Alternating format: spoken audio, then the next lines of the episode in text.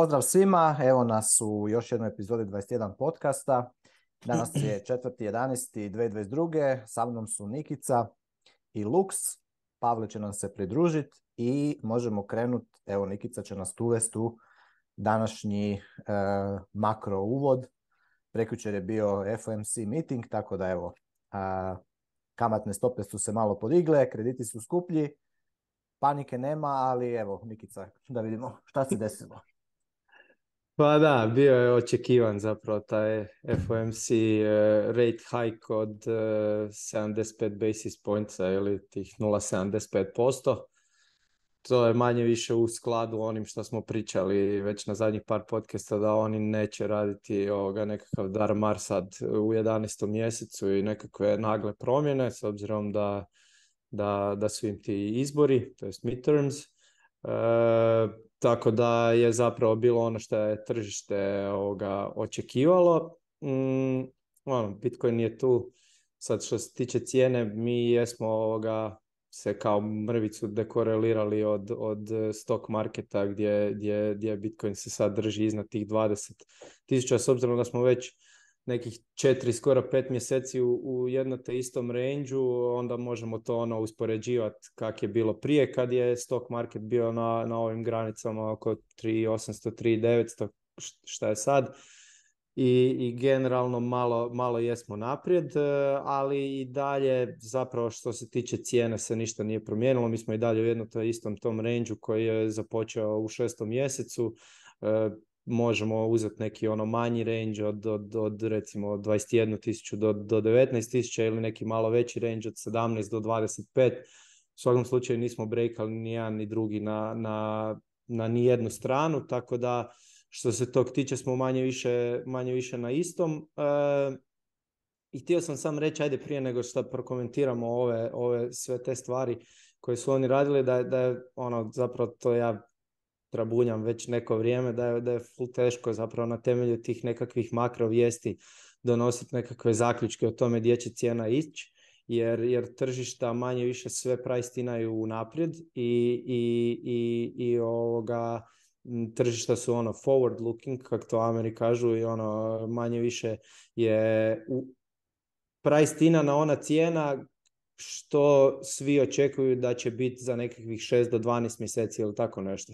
A te ekonomske brojke koje oni izvlače za te svoje FOMC mitinge su, su jako lagging, odnosno backwards looking i uzimaju brojke koje, mm, koje kasne, ajmo reći, za realnim stanjem nekakvih 6 do 12, možda u ovom ono rapidnom, e, kako smo imali zapravo jako turbulentnu godinu, možemo čak reći da možda i su i godinu i pol iza nas, pogotovo što se tiče nekih e, cijena e, nekretnina, odnosno taj njihov housing market. Tako da, mm, ono, dosta, je teško na, na temelju toga onako odlučiti ne, gdje smo mi pozicionirani i to, tako da zapravo se tim ne treba baš nekako ni previše, ni previše baviti, ni previše zamarati. E, sad dajde da se vratimo na FOMC, oni su digli za tih 75 basis a sad smo na tih nekih oko 4%. E, glavno pitanje to je ovaj link koji si prvi, prvi otvorio, ono, to, je, to je taj Pavlov statement, ono u principu koji sam ja dao. I sad nakon što je on to sve pročitao, ono glavna pitanja su zapravo bila e, o tome šta, šta će biti u prosincu, šta će biti u 12. mjesecu, da li oni planiraju e, eh, prestati s tim rate hajkovima.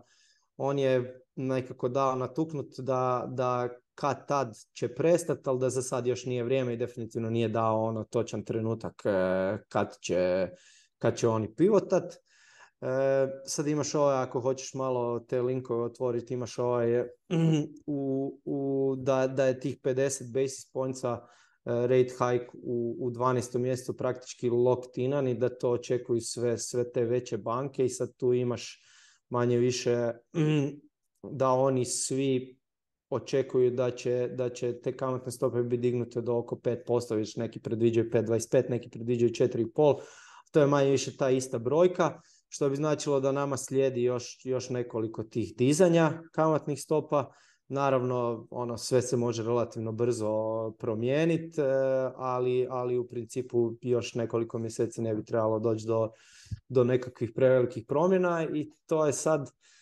ono, ja, ja sam to isto u jednom podcastu ovoga spomenuo, to je onaj njihov, eh, mi je malo rano, ne znam točno kako, a dual mandate, dual mandate, kako oni to zovu od Feda, a to je, on, njima su bitne dvije stvari, a to su price stability i low unemployment. Taj low unemployment imaju i on je blizu tih 50-godišnjih eh, lova, što je njima ono svakako pohvalno, što kao praktički mogu reći da, da, da ove stvari kako oni interveniraju, ne utječu previše na tu nezaposlenost, eventualno pozitivno. Price stability im nije nešto, jer price stability se tiče inflacije, ali pak e, ovoga, mm, ako gledamo month over month, ono inflacija ipak im donekle pada što definitivno nije slučaj u Europskoj uniji i, i dok ovi nekako su natuknuli da, da Fed planira, planira stati s tim rate hajkovima ili definitivno da su završila ova doba tih 75, 0,75% rate hajkova i da, da će sad ići neki manje. ECB je na zadnja tri svoja mitinga digo preko 2% kamatne stope i inflacija im je dalje na, nam je dalje na, na najvišim razinama preko 10,7% i, i Europska centralna banka praktički nema drugog izbora nego nastaviti dizati kamatne stope, što znamo da nije baš najbolje, ali općenito smo već puno puta pričali o tome da, da ako gledamo ta neka tržišta izolirano, ono azijsko, evropsko, američko, da su Amerikanci uvjerili o najbolje situaciji, a, Azija i, i Europa ne baš Mm, ne baš tako. Evo, to je, to, to je neki taj kratak komentar, manje više što se dogodilo, nije, nije, nije to bilo, onako, manje više moglo bi se reći ono veliki nothing burger, ono, tresla se brda, rodilo se niš i, to je to. Evo, ne znam, ako ti spavao, pretpostavljam, malo pratio, ne znam, ako ćeš ti malo dati neki svoj komentar. Je, e, mislim, ja sam pratio, evo, baš od ovaj, The Bitcoin Layer, ovaj, što Nick Batija, onaj Joe Consorti imaju, tamo sam već pretplaćen neko ono, više mjeseci, tako da oni su imali Twitter Space taman dok, dok je trajao taj FOMC meeting. Ja sam se šeto i slušao to. I ovaj i da, ono što je takeaway je da se vidi taj e, prvi put e, e, promjena u wordingu, znači u, u, načinu kako je, kako je ovaj, da su rekli kumulativni tightening i lag faktor je sad uzimaju u obzir. i, i, izvjesno je da će još jedanput napraviti hike uh, 50 basis pointova u 12. mjesecu, znači da će biti manje nego, nego sad. I onda vjerojatno još recimo 0.25 u drugom mjesecu i možda još jedan put 0.25 u trećem mjesecu i to je to. I onda je pauza i onda ćemo ono kao će pustiti tržište da digesta situaciju i sad je samo pitanje e, mislim ja stojim uz ovu grupu koja je trenutno opet još uvijek u manjini koji su koji interpretiraju ovaj razvoj događaja u nekakvom sljedećom sljedećih recimo šest mjeseci kao bullish za risk asete znači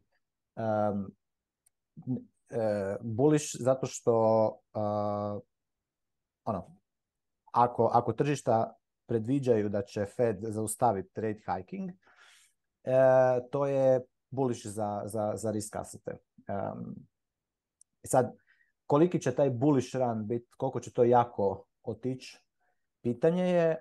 činjenica je da će, ta, znači da će efekti pravi ovog tog podizanja kamatnih stopa i podizanja cijena kredita se osjećat u ekonomiji sve jače i jače i da će definitivno proizvesti ono recesiju i već recesija po nekim indikatorima se i ono pokazuje da je tu.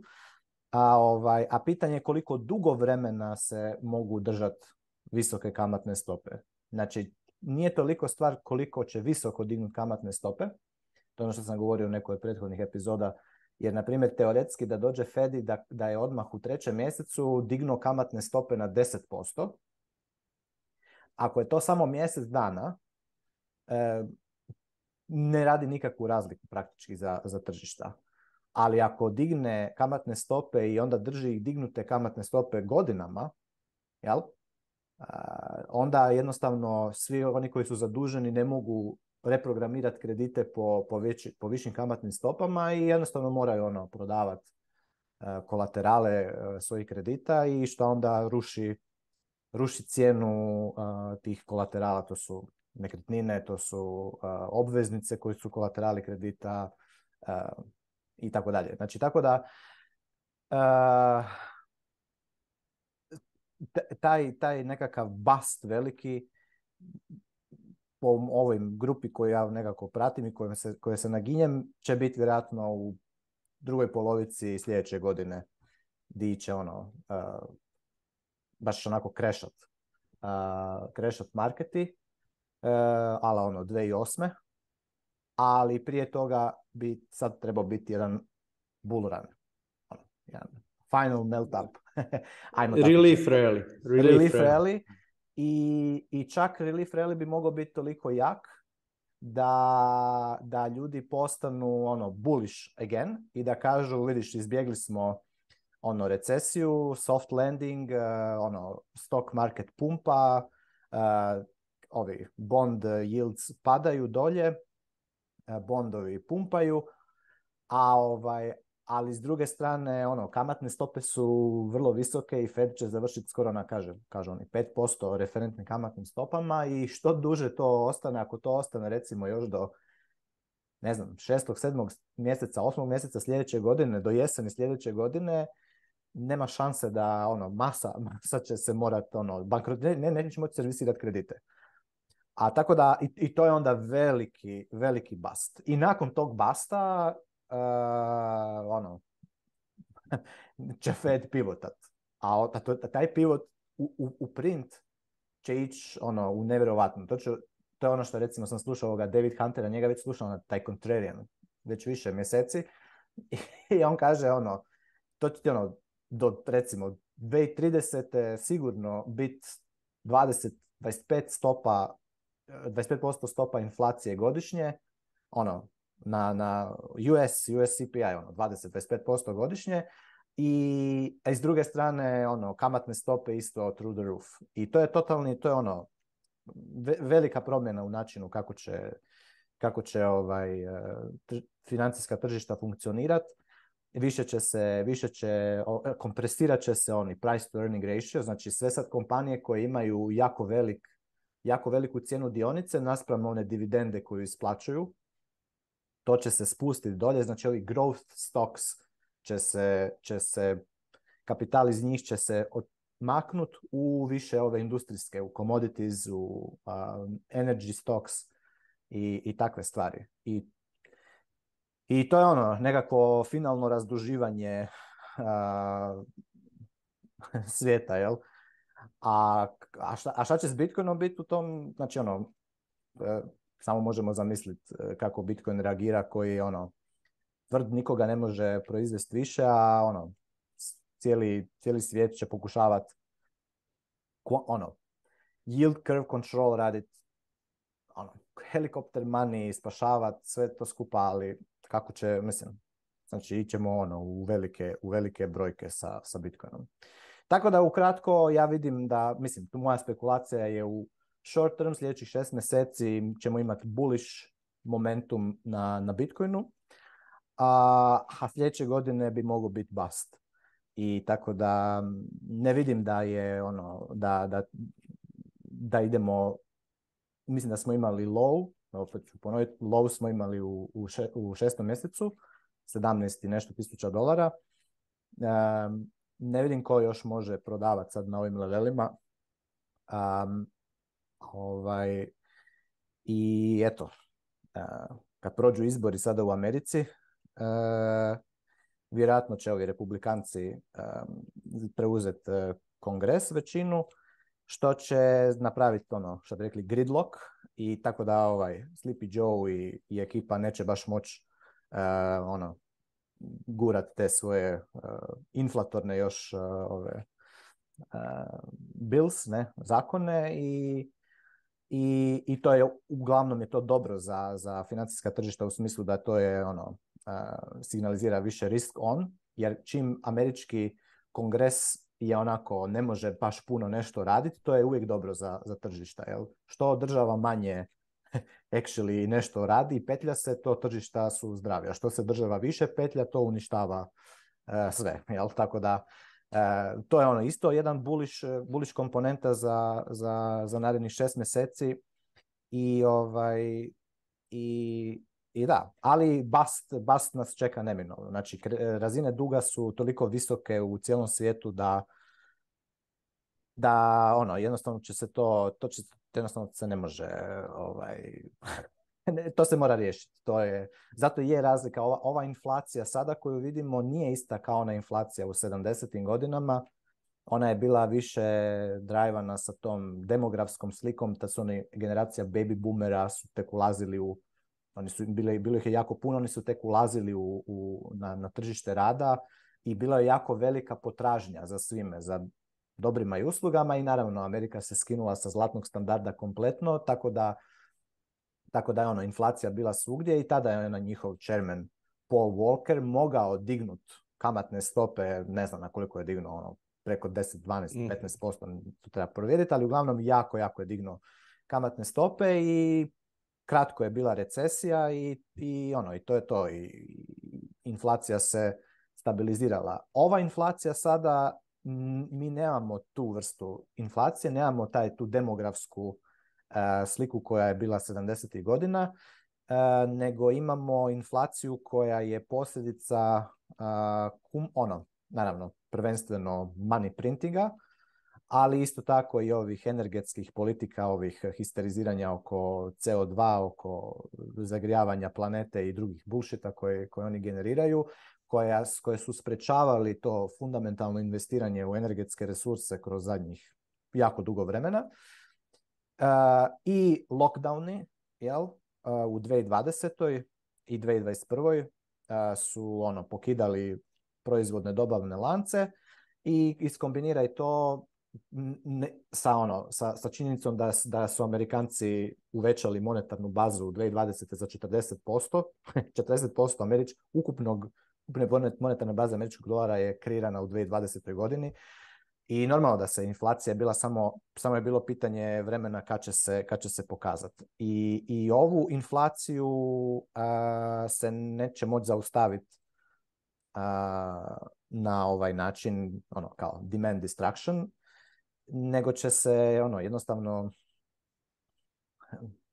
razriješit će se on, to samo od sebe, ali poanta je da se sad trenutno smo u nekakvoj fazi gdje poč, poč, mislim počinje već je počeo, ali se sad svakim danom se intenzivira taj, taj kompletan ono, raspad tog fiat sistema, jel? I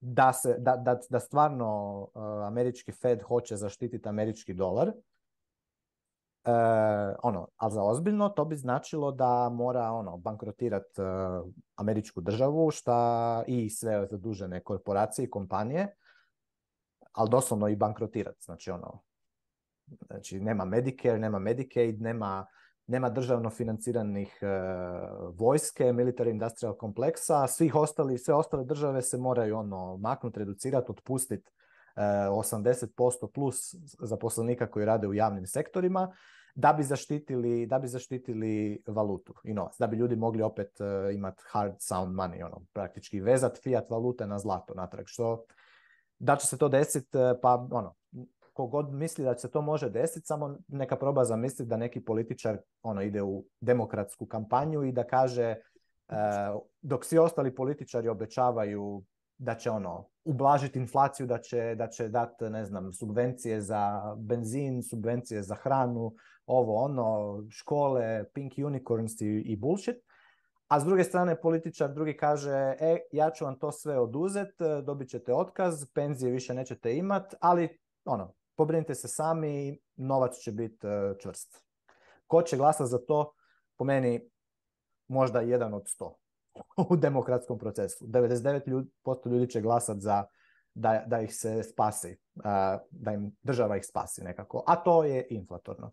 Tako da ono, bankrot ide kroz, kroz inflaciju, hiperinflaciju i, i to je to. I vidi se po ovome da normalno da ne, ne, actually je sve to samo jedan veliki ono midway bullshit. Fed može preokrenuti ponovno čim se desi, ne znam, nekako e, frizu u treasury marketu i da se, da niko, više ne želi ono kupovat e, državne obveznice i onda ono, likvidnost se potpuno presuši i normalno da će onda krenut e, pivot će I sad baš sam gledao jutros si ono, neko je postavio ovaj prvi, e, prvu snimku od, e, od Jerome Powella na početku kad, se, kad je bio prvi rate hike 0,75%, pa je onda rekao ono, uh, to je bilo našo, ono, to je sad ovo jako visoko, ono, ne, sigurno nećemo tako pre, previše i vidiš kako sad je opet mijenja, sad je ono hokiš, znači to, to, to je onako sve neozbiljno, nema tu više nekakvog e, kredibiliteta, nego je to sve Ano, sad su mm. već e, kola se, kola se sama pokreću, tako da evo, to je moj komentar. Ali opet, e, zaključujem, all in u Bitcoin, Bitcoin je solution za sve i mm. ne se sekirati. E, jesi, vidio sad kad si ovo Paola spomenuo, to je isto bilo na Twitteru neki dan Lagard da onaj komentar da je inflacija došla od nikud. Da, da. to, je ovoga. su baš ona. za... To je ono, kako, ne znam ko je ono rekao da ne možeš očekivati od nekoga da govori suprotno od onog o čemu mu ovisi njegov e, posao, njegova plaća. Ono, Apsolutno. tako da svi ti normalno najobičnijem čovjeku je jasno da ukoliko stvaraš više novca da će cijene svega drugoga e, dobra i usluga rast. Nema šta tu, mislim. A, a nevjerojatno je kako niko od tih, e, od tih E, ne znam, tih Fiat, Fiat e, ono, financed e, ekipe, sve će naći neki razlog, ali neće samo naći u tome da, da jednostavno ono, uvećavaju monetarnu bazu. Američki dolar je 7% godišnje se uvećavao kumulativno zadnjih 100 godina. 7% godišnje. Mm. Ono, znači jednostavnu matematiku ono, mm. napraviti, pa to je, koliko rekao, 99 i nešto posto uh, purchasing, pa, da, purchasing da. power izgubljen. Tako da, da. A ako malo uzumiramo i u zadnjih 20 godina pogledamo, onda je ono ECB od zapravo svoga snutka još puno gore stvar napravio. Tako da manje više to sve samo se ono da. akumulira, e, kako bi rekao. Da, e. interesantno je to. Ja kad sam gledao ECB, e, euro je rasto 10,3%, znači američki dolar 7, euro 10, 10 recimo hrvatska kuna 13,5, mm. skoro 14. Mm. mm. ono, imao sam, baš sam gledao podatke iz hmb a Tako da realno, ono, mislim, šta, šta, šta reći, to, su, to, je, to je cijena Fiata, ali hopefully imamo, imamo Bitcoin pa, pa to Bitcoin fixes. Šta ćemo, idemo dalje ili imamo još neku ovome. E, oprosti, samo krepale su mi slušalice pa se prebacio na druge, pa nisam čuo sad. E. Ne, mislio sam da idemo na ovu sljedeću, ovo nešto nizozemski, mm šta kažu, šta bi ono, treka transakcije. Sve transakcije od 100 eura nadalje, tako da, ono, manje više te ovo, ne, ne znam, ne, ne, netko je ubacio ovaj link, ja sam samo ono malo edito dok sam te, te novce jučer slago, ali manje više ono, sve vijesti koje dolaze iz Europske unije vezano za CBDCs ili tako nešto su ono vrlo negativne, taj da ono ne znam, ko prati ovaj podcast malo duže ili te vijesti ono može potvrditi da manje više, ja mislim, nismo nikad ni jednu dobru stvar rekli oko, oko nekih njihovih e, novih prijedloga kako nešto ono poboljšati. Da. Ma ja i dalje mislim da je ovo super za, za, za Mislim da je dobro da ovo je reklama. Reklama i, i incentiv da, da, da napravimo još e, neki dan sam vidio uh, kao, je neko napravio ono e, sa kao eh, coin join po defaultu u, sa taprut adresom su otvorili Lightning Channel. Um, I ovaj, tako nešto. I uglavnom, ono, E, point je da privacy u Bitcoinu raste sve više i više i da, da ovo tu je, kažem, samo reklama e, i to dobra reklama za mhm. Bitcoin. Znači, kad si tu spomenuo CBDC, ne znam da, da li je bilo, da će biti u, u notovima ono da su u, u Nigeriji da su već probali onu e-Nairu CBDC, pa da je jedan od 200 ljudi u Nigeriji ono actually downloadao to, to, to sranje i, da su ono koristili. Niko ne želi koristiti glupi, glupi CBDC, a developer glavni je neki ono isto shitcoiner i neki ono climate change hysteric. Mm. Tako da ništa neće biti puno od ovoga šta, šta oni proklamiraju i šta e, oni se baš postaju po meni ono paper tiger, nemaju da. Nisam vidio ovo. Nisam vidio ovo za CBDC, ali ono nekako moje mišljenje je baš e, vezano za to onak na nekoj globalnoj razini ako itko to želi profurat mislim da će to generalno uspjet a uspjet će na način da ćeš jednostavno davat ljudima novac tipa baš sam se to razmišljao sad ono kak Hrvatska prelazi na euro kak, kak nisu napravili ono tipa ne znam jesi ti dobio, ja sam dobio ono u pošti e, kao prvo, prvo yeah. prelazim, e, to. Kuž, e, bolje bi fora bila ono da je, da je ubacio ono 10 eura, 100 eura još u kuvertu, ono 1000 eura, tak, tak im je to.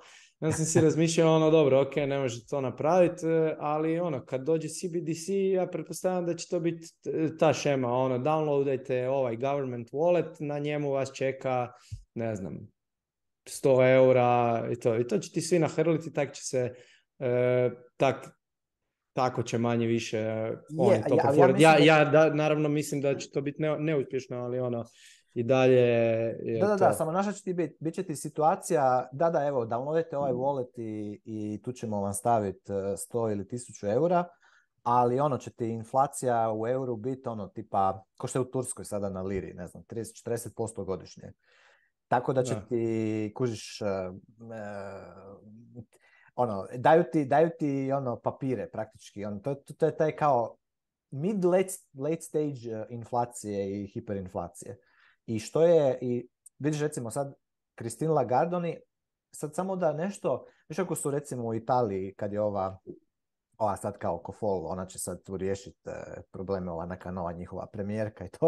I onda kad, su, kad je rekla da opet hoće ne znam koliko nekih 10 milijardi eura kao nekakvih eh, e, ono, opet mm. e, subsidija i nemam pojma šta programa socijalnih radit, odmah instantno je krenuo ono sell-off talijanskih e, obveznica i ono jump u, u interest rate i onda su je ono, ne, ne, ne, ne, neš ništa printat, ne, ne, jer poanta je da, da ono što, što sad te države pokušavaju, ako bi sad pokušao neko reći, e idemo ono isprintati još e, eura i ono podijeliti, helikopter money, instantno je sell off na, na, na, na bond marketu. Tako da e, to će doći, to će doći, što ti govoriš, nakon bust, nakon basta, globalnog mm. basta, ali onda će to biti, e, ali onda ćeš ti jednostavno imati ogromnu, ogromnu stopu inflacije. Svima će biti ono clear da, da je inflacija strašno visoka i sad ti država nudi, nuditi malo još ekstra, ekstra tih, tih svojih glupih tokena.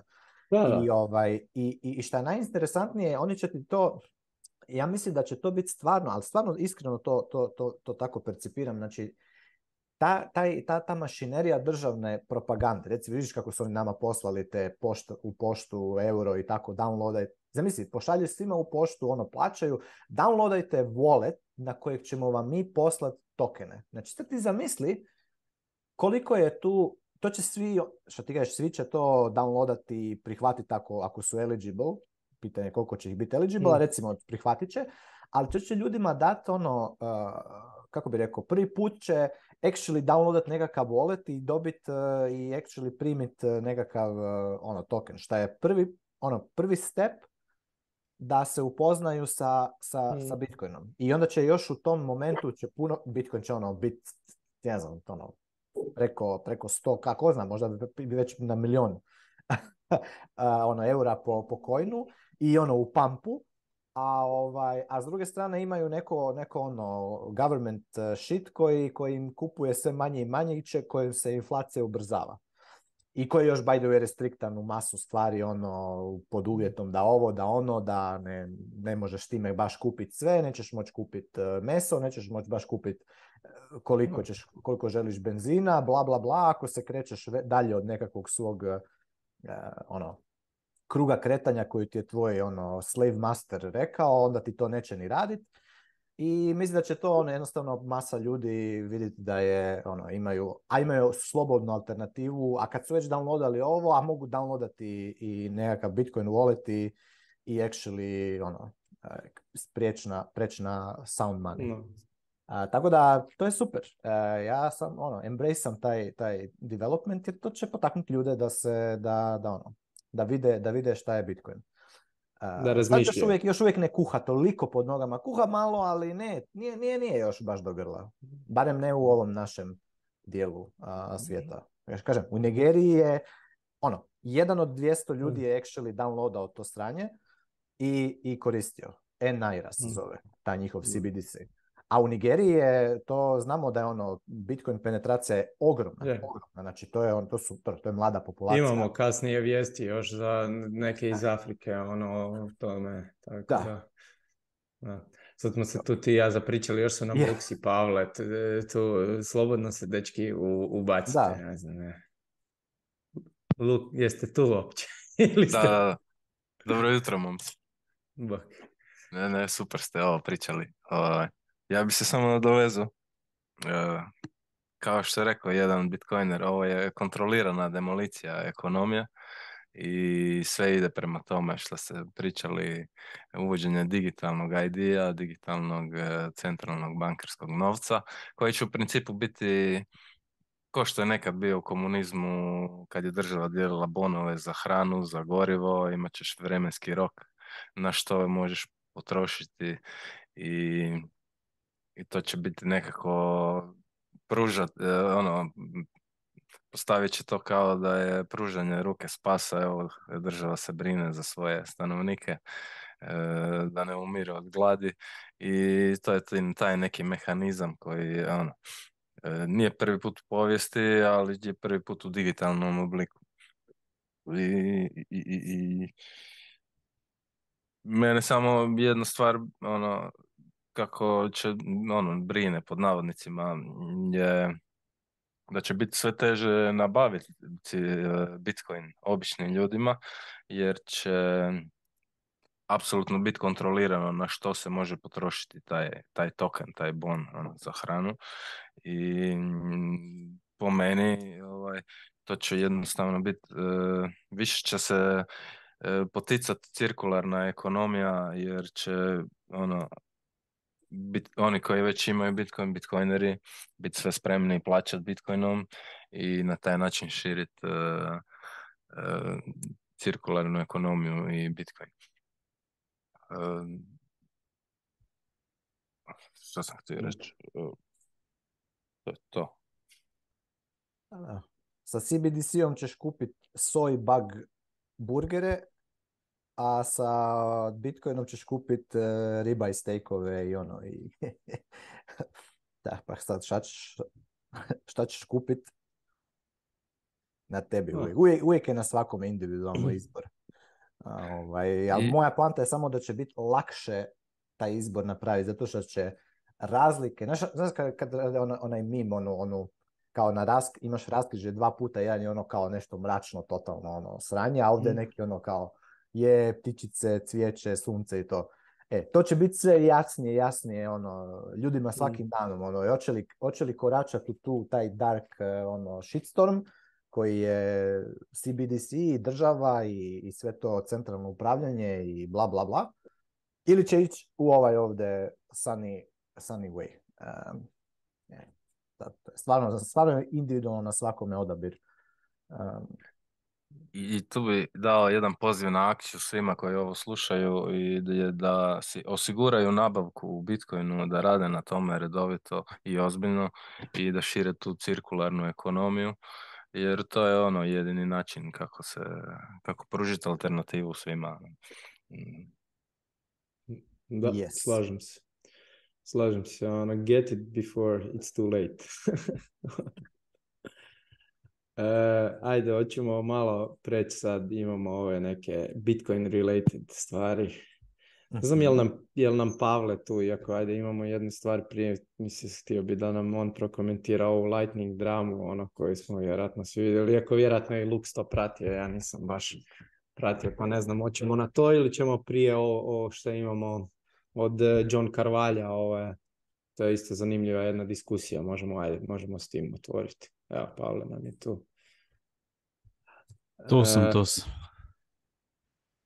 Ajmo e, lightning dramu, pustiti a, John Karvalja. Ajde, ajde, da čujem, to me zanima. Ovaj, evo, može se Luks ubaciti ako ja nešto tu pomašim dok pričam, ali generalno po drugi put u roku od, ja mislim, dve nedelje LND, e, jedna od implementacija Lightning Network protokola, doživjela je kritičan bug a, koji je doveo do toga da većina nodova koji su LND na mreži budu van sinka, znači van sinkronizacije sa ostalim nodovima na mreži. Ovog puta nodovi nisu pali, ali su totalno bili neupotrebljivi, tako da to je ono što se desilo. Sad tehnički nije toliko ni bitno šta je ovaj Burak po drugi put uradio, a, više je bitno način na koji je on taj bug otkrio ljudima. ukratko, znači kada se desi bug u bilo kom softverskom sistemu, za to postoji sistem, to jest kada se nađe neka ranjivost ili ti vulnerability, postoji sistem kako da se takva recimo takav bug ili takva kritični vulnerability reportuje, odnosno prijavi developerima kako bi se to što pre ispravilo i sad kako to da kažem na neki blag način, znači ljudi koji to rade onako kako treba, prijavljuju kako treba, to uglavnom e, postoje sistemi za prijavu tih e, ranjivosti u, softveru i to se uglavnom privatno disklozuje e, developerima, pogotovo u open source kako bi se to pečovalo, zato što u open source taj kod ti čak i kada, kada neku ranjivost uspeš da, da pečeš, svako može da ode na kod da reverse engineer, znači da pogleda šta si ti to pečovao i da opet napravi taj exploit, tako da se ti te ranjivosti generalno pečuju sad kako to, pečuju se tako što ti pustiš neku verziju softvera i tek kasnije objaviš šta je pečovano da bi se taj bug ispravio.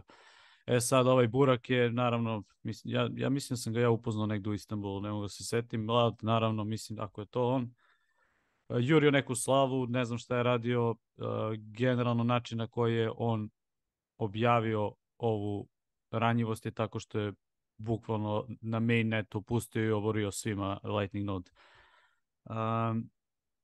ne znam, mislim, stvarno se ne slažem sa načinom na koji on to radio, koliko god to bilo interesantno svima, to njegovo twitovanje, mora biti tama da bi bilo nešto, ne znam ja šta, mislim, to mi je idiotski skroz bilo da, da ne mogu da poverujem da neko, da, da, da neko uopšte može na taj način open source projekat, da na taj način iskorišćava da gradi slavu, mislim, idiotizam, običan, i ne slažem se uopšte sa pristupom koji on imao tu. Znači, kao neko ko radi open source imali smo mnogo puta takve situacije i uvek je to bilo e, na, na, normalan način prijavljeno nama kako da se ispravi. Mogu samo se stavim koliko god ja volio ili ne LND implementaciju, ko zna šta sam ja mislio o njoj, ne mogu da se složim sa načinom na koji je ovo uopšte pušteno u, u, u javnost. Znači, velik je bukvalno našao ranjivost kritičnu i iskoristio da za sebi skupi neke poene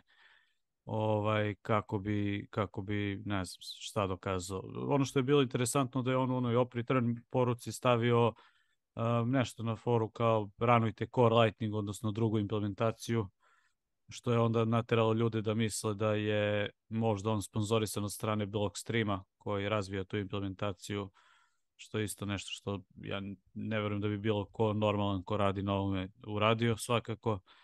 Tako da sve u svemu eh, ovaj bug je već bio eh, otkriven, to jest ranjivost. Eh, neko je već bio prijavio to L&D developerima pre buraka, samo što je njima trebalo dve nedlje da oni to puste. Verovatno baš zbog toga što sam ja pričao što ti kad pustiš taj kritičan kad pečeš kritičnu ranjivost, svako može da baci pogled na kod i onda da eksplodite, tako su vjerojatno hteli u tišini prvo da, da to pečuju. Međutim, ovaj lik je to na net pustio i desilo se šta se desilo, gomila, gomila nodova ostala je van, van, van sinhronizacije.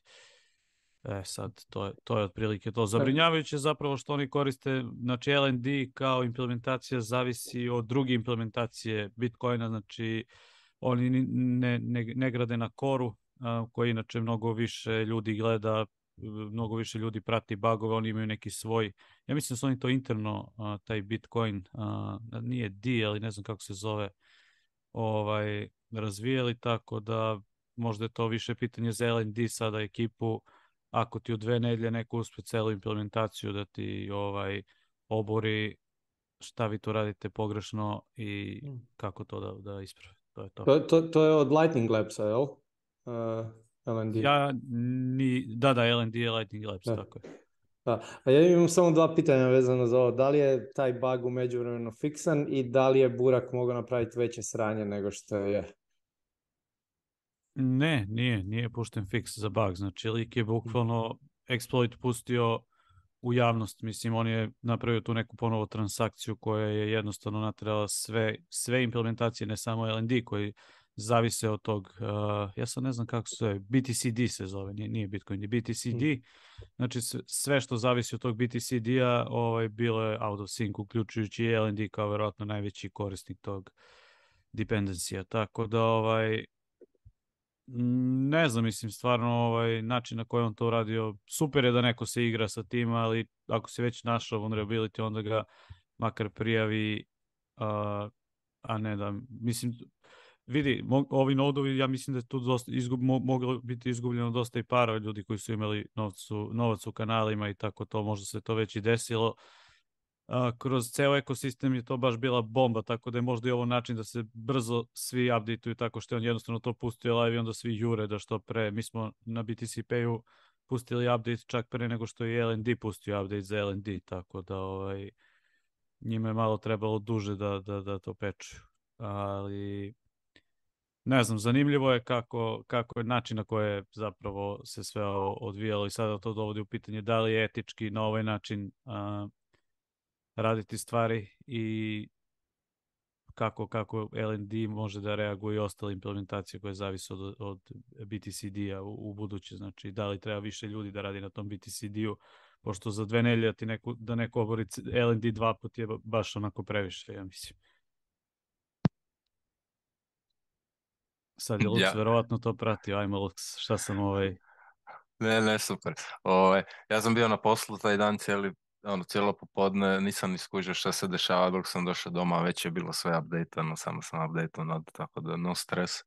I po meni tu jedini negativni igrač je Lightning Labs jer su znali za bug neko vrijeme, nisu ga pečali i ono, open source je spika, tako da svako ima ono, mogućnost uvida i sve, i, meni je više taj način na koji je ta, na koji ovaj Burak to napravio ono smiješan, ono hilarious, više onako zabavan, jer eh, je ono skrenuo pozornost, hoćeš nećeš i natjerao jednostavno da se na brzinu to update Pitao bih te da li bi, da li bi ti bio smešan da si ovo izgubio sav novac u kanalima ili nešto slično, ne bi se baš smeo.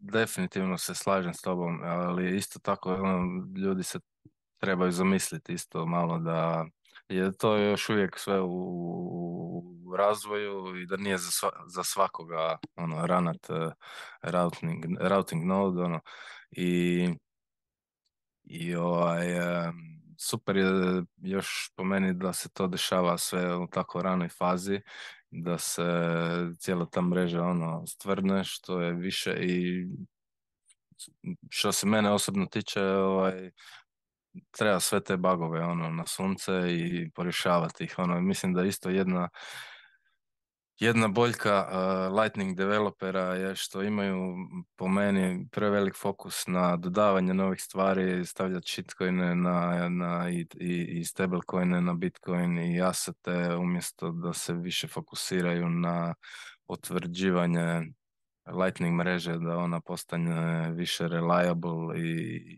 ono, da to sve profunkcionira. Ipak kao što ti kažeš, ono, ljudi imaju novce na tome i e, ako ćemo raditi e, e, payment network ono, za budućnost, e, po meni je to prioritet umjesto stavljanja ono, stablecoina na Bitcoin.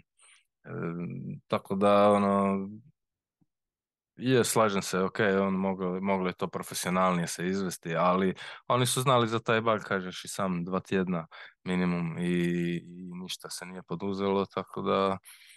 Pa da, ali slušaj, ti mislim, oni da su sada pustili samo taj fiks i da su rekli, ej, postoji kritičan bug, updateujte, bilo ko može da ode u kod i da vidi šta su oni to menjali i da shvati e, kakav je to vulnerability onda da ga opet javno da, odradi napad onima koji nisu updateovali.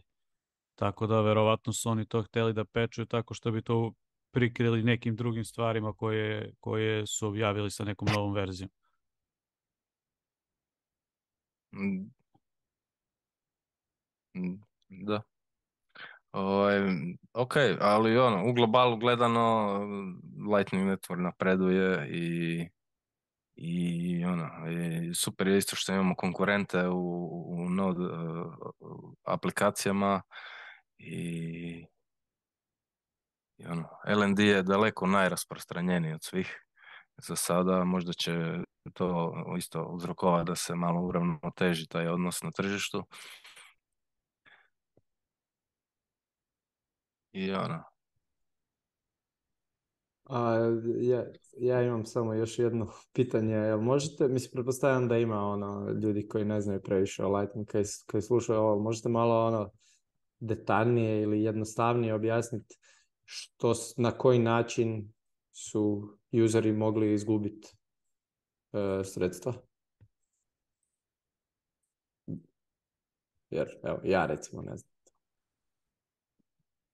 Pa, ako si, ovaj, šta je Lightning Network? Lightning Network ti je, ti i Pavo ulazite u neki ugovor da ćete otvoriti kanal međusobno i ako je tvoj uh, node van sinka, Pavo je možda mogao to iskoristiti da uzme uh, sav tvoj novac iz kanala.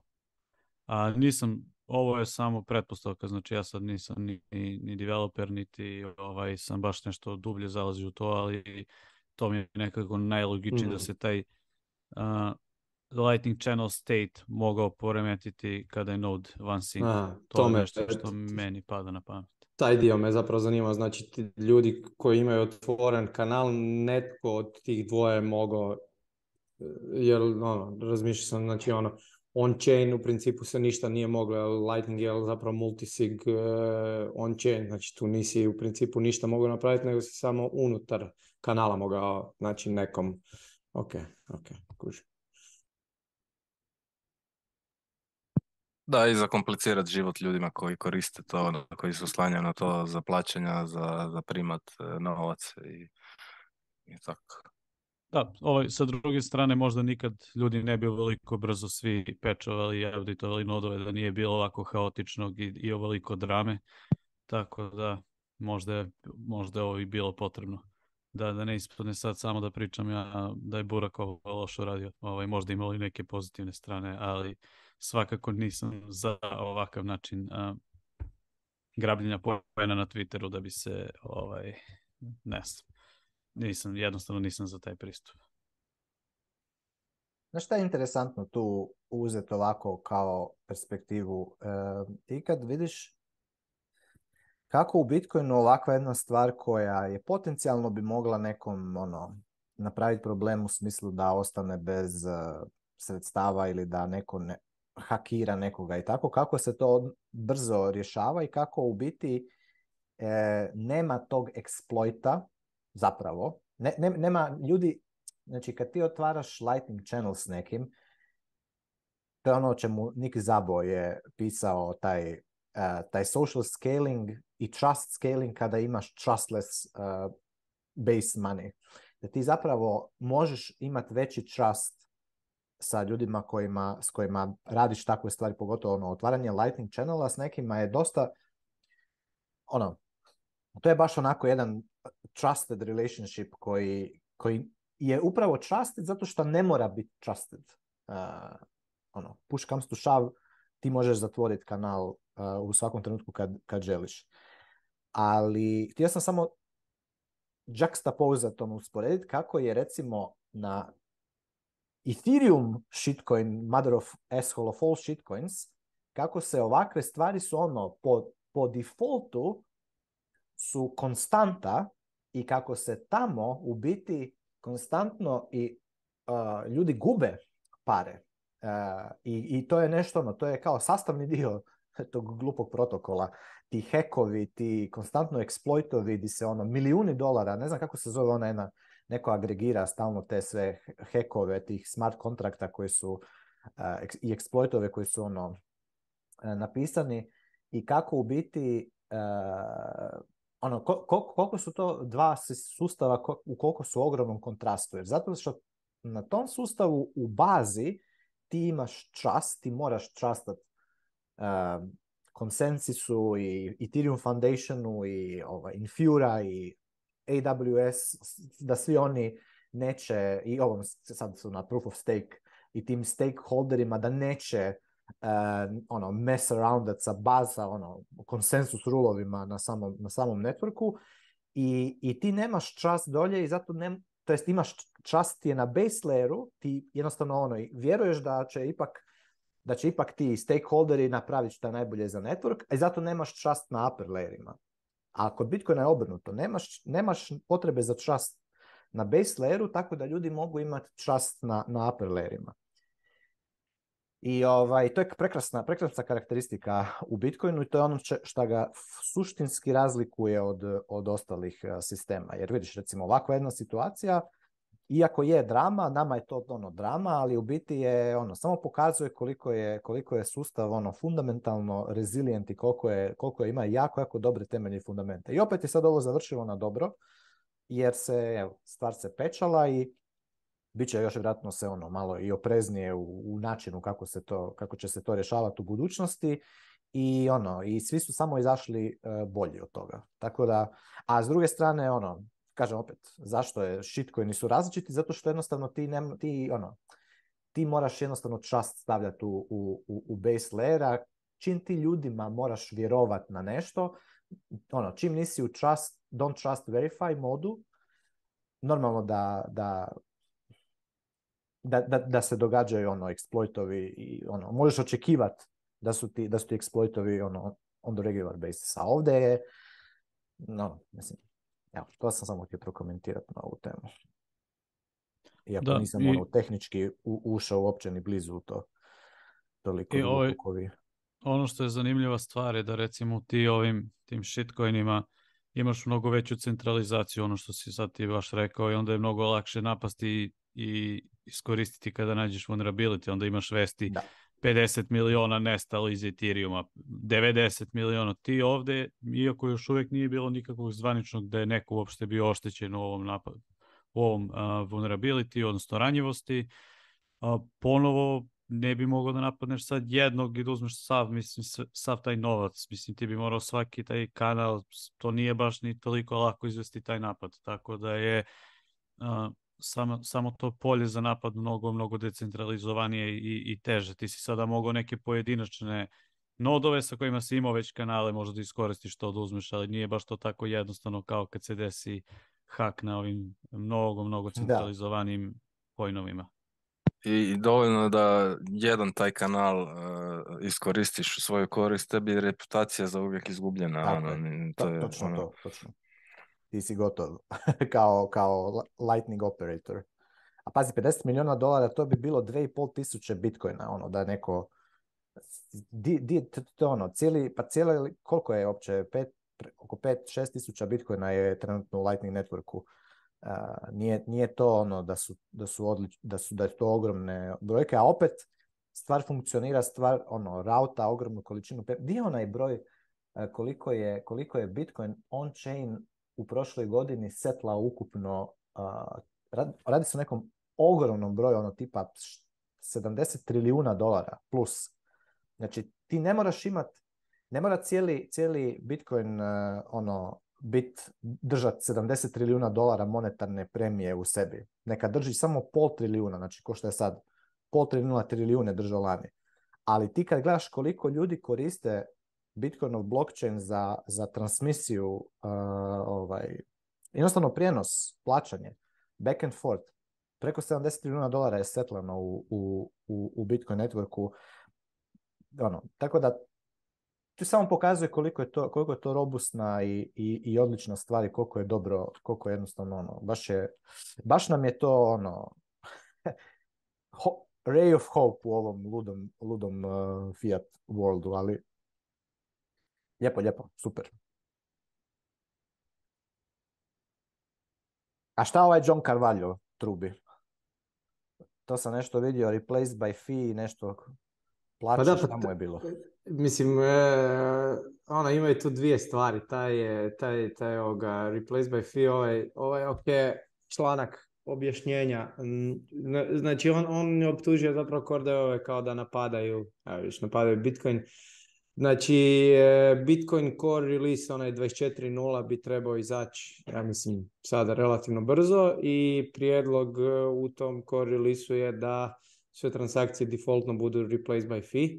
Sad ja mislim da ćete vi znati puno više o tome od mene, jer e, mana tog replaced by fee je, je u principu se tiče nekih Lightning walleta, zapravo konkretno Moon walleta, koji koristi one submarine swaps i ti e, oni, oni kao e, ne traže nijednu konfirmaciju on-chain da bi to odradili i onda i e, ih ovaj replace by fee zeza, jel koliko sam shvatio ti u replace by fee možeš ne samo povećati fee nego možeš ujedno i promijeniti adresu pa je to pretpostavljam potencijalni attack vektor ali velim, ja pretpostavljam da Luks i Pavle znaju puno više e, o, o, tome. E,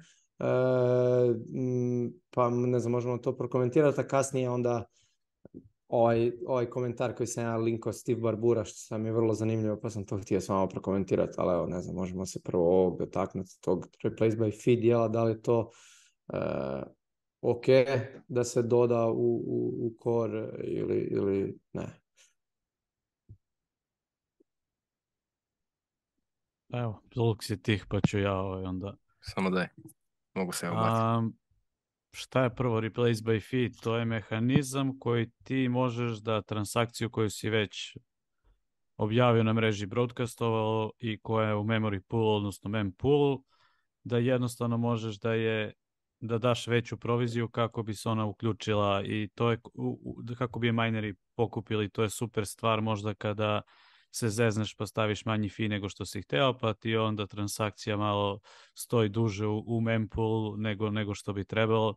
Znači to je jednostavno mehanizam da transakciju koja je možda malo zastala na mreži možeš da, daš više malo provizije i da se onda ono bampuje bukvalno da, je, da, da, dobije ovaj, da, bude uključena na mreži. I to je ovako sad zvuči super, ko ne bi hteo da kad mu transakcija bude u eh, malo ovaj, u, me, u mempoolu malo duže, da malo plati veći fee i da ta transakcija prođe brže. To sad zvuči super, ali šta se desi sa ovim baš e, situacijama koji si ti pomenuo u Moon ili recimo jednostavno ja i ti se Nikice nađemo negde, ti mi prodaš ovaj Bitcoin, ja kupio tebe, poznajemo se, ali ne možda toliko dobro i ja sad uzim cash, prodao sam ti svoj Bitcoin i ti ili, ja ili ti recimo onda promeniš tu transakciju, ba, bampuješ i vratiš je na, na, neku svoju drugu adresu. Uh, dobar način da se razmišlja o RBF-u je kao da si ti otkazao bukvalno transakciju. Jel ti tako i neki voleti predstavljaju kao otkazivanje transakcije. mislim da Blue Wallet zapravo baš ima ono cancel transaction i kao sad to je dobro ako imaš nekog skamera koji te zeznuo pa ti onda cancel transaction i onda se tebi to vrati i to je sve super ali šta se dešava sa trgovcima koji prihvataju zero confirmation, znači koji prihvataju Bitcoin bez konfirmacije, a šta se dešava sa walletima, šta se dešava sa lighting service providerima koji imaju one zero confirmation kanale otvaraju, mislim to e, RBF je super stvar, ali developeri pre nego što bilo koju stvar uključuju moraju da razmišljaju malo i o, o trenutnom tajmingu i o ekosistemu, znači a, mislim da je John, ono pojenta što, koju John ovaj, pokušava da kaže je da ove stvari moraju, makar to je neko moje mišljenje, da moraju malo više da se promisle o takvim promenama i da jednostavno moraš da konsultuješ ceo ekosistem, a ne sad iz developerskog Google, oni to gledaju super i ako mi transakcija bude spora ili nešto, ja ću to, ovaj, ili ako me neko zezne, ja ću to cancelovati na neki način a ne razmišljaju šta, šta se dešava sa me, trgovcima bukvalno koji prihvataju Bitcoin on-chain bez, bez potvrde. Znači, jeste to nije sigurno, ali mi trenutno nemamo neki bolji mehanizam osim Lightning Networka da neko može da, da, da, da ovaj, da zapravo ovaj, ti proda nešto i da ti na licu mesta odmah tu sekundi možeš da, da, da, da, kupiš. Tako da, ovaj, ne znam, ovaj, Mogu ja samo Dobro. E, da, da, nešto pitati, čisto da, da razjasnimo. Znači, sad trenutno Bitcoin Core je tako wallet, po defaultu je isključen replace by fee, a developeri neki bi htjeli da je po defaultu uključen, tako da ga ti ručno isključiš. Je to to? Sam krivo shvatio. E, da, da, trenutno imaš opciju da to, da. Znači, trenutno moraš optinat da imaš replace by fee, a po defaultu je zero Da, i vidi se, koliko ja znam, vidi se svaka transakcija koja koristi replace by fee, tu se generalno čeka više konfirmacija jer se zna da, da, da, da se može upravo, upravo ovo, ali koliko ja znam replace by fee je već jako dugo, da. duže vrijeme i, i, i nije da je baš korišten. E, tako da zapravo je ovo problem ono, kao mergat to u core, ne? Pa da, zapravo baš to, problem timinga, da li stvarno više ljudi koristi to da, da bumpuje taj fee, da li je trenutno to potrebno ili je trenutno potrebno ovim merchat i ovim biznisima koji imaju zavisnost od tih zero e, confirmation uh, stvari, znači da li ćemo njima naštetiti ili ćemo sad nekom procentu developera koji misle da je cool da, da, da to bude na Bitcoin core ovaj, pustiti da to bude default. Ja kažem možda treba biti default, ali možda timing trenutno nije baš najbolji. I generalno te kontraverznije stvari uvijek se malo, mislim da će se to odložiti sigurno, ovaj, tako da... No.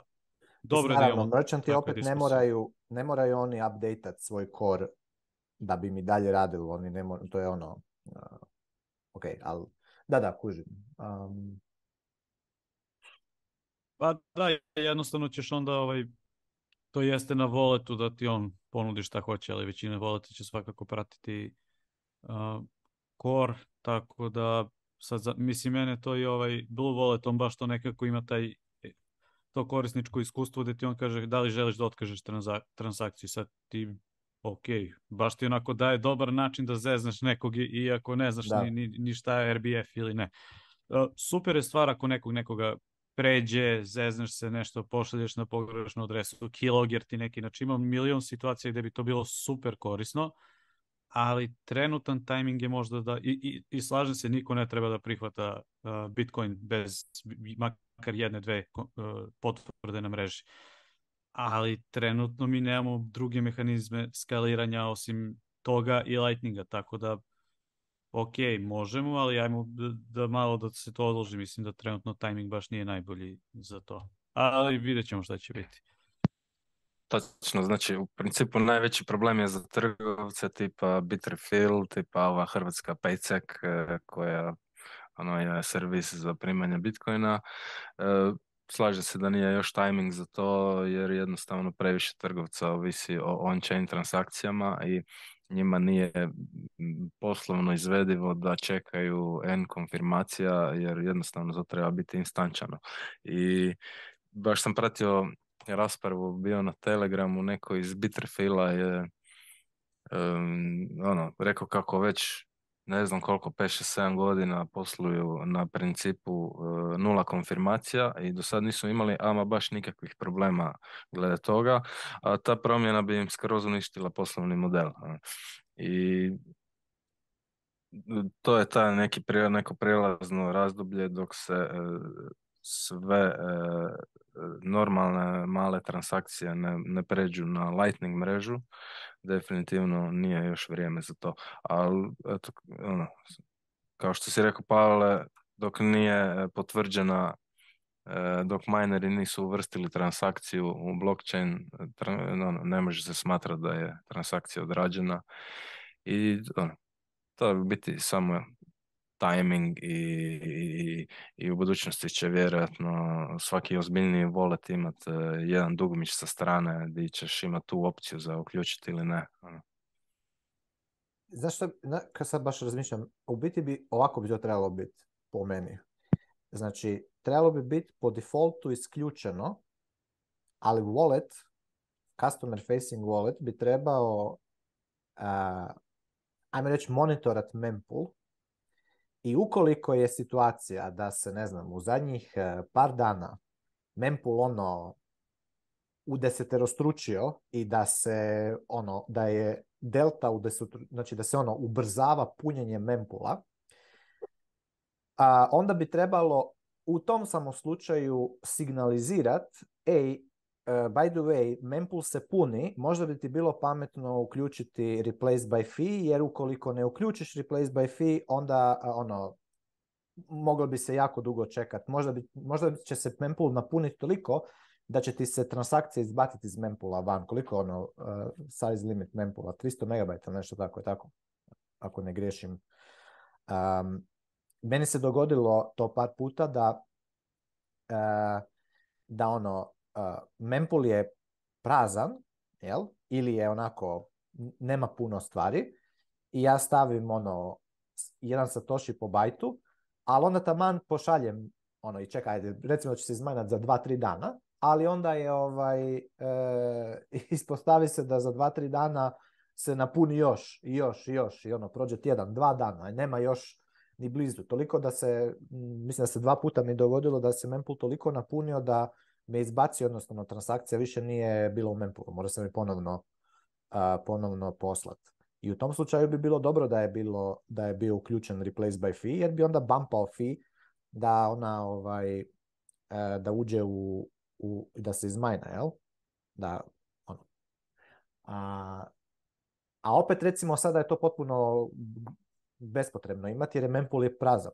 Ono, ti ćeš jednostavno možeš jednostavno koristiti zero, zero confirmation fear. Ovako onako će se konfirmati u sljedećih 10, do, 10 minuta do pola sata. Tako da šta ja znam? Ne znam. Ma, apsolutno je ludost prihvatati Bitcoin bez, bez e, bilo kakve potvrde i niko ne treba to da radi, ali mi trenutno nemamo rješenje, radimo na njime, jednostavno tajming je bez veze da se sada to oko, to, oko toga priča. Znači, ako hoćeš da staviš korisnicima odličan UX da jednostavno mogu lakše da skamuju ljude i trgovce, onda super, onda će ti trgovci morati da pogoršuju svoj user experience, onda ćeš jednostavno morati duže da čekaš za svoj digitalni download na Bitrefilu, nećeš moći instant da dobiješ, što je opet ok, mislim, kao što ste rekli, e, RBF transakcija je vrlo lako primetiti i tebi sa tvoj wallet može da signalizira, je ova transakcija ima RBF, nemoj da bez potvrde da, da, da puštaš to kom si prodao Bitcoin, drži ga pod ruku i držite se tu zajedno dok to ne prođe i čekajte 10 minuta, šta znam. Da, I koristite Lightning. da. Da, istina. Samo što će to onda samo što će to onda ovim zero confirmation Lightning kao što radi briz recimo on ti odmah automatski presretne kanal, otvori ti odmah, ako ja i Nikica nemamo recimo ja, između sebe kanal Breeze, automatski otvori to bez ikakve konfirmacije, naša transakcija prođe instant, to je super experience. E sad, kad briz već zna da postoje voleti koji će to lako otkazivati, onda će morati malo biti ili oprezni s tim i to će pogoršati. I sad ako tebi volet default, ti kao user nećeš ni znati zašto sada treba više vremena nego obično na brizu, znaš, tako da ovaj... Da, da, to je opet ono, neka faza, neka prijelazna faza ono, prilagođavanja Lightningu i svega. E, po meni to što radi Briz, ok, super je e, e, e, user experience, ali je, dugoročno nije dobar biznis model ono, i neodrživ. Isto tako s Moonom, ono, tako da mm. to će se sve riješiti na tržištu. Ono. Ma evo da se još samo jedan put bacim u, u kožu nekakvog ono end totalnog usera. Kako, šta totalni end user zapravo želi? Ja želim imati wallet u kojem prvo odaberem koliki size transakcije želim napraviti. Znači, uopće me ne interesira je on-chain, ne, ništa me to ne interesira. Mene interesira koliki iznos šaljem, prvo, i onda druga, u drugom koraku, koliko koliko brzo se taj iznos treba poslati.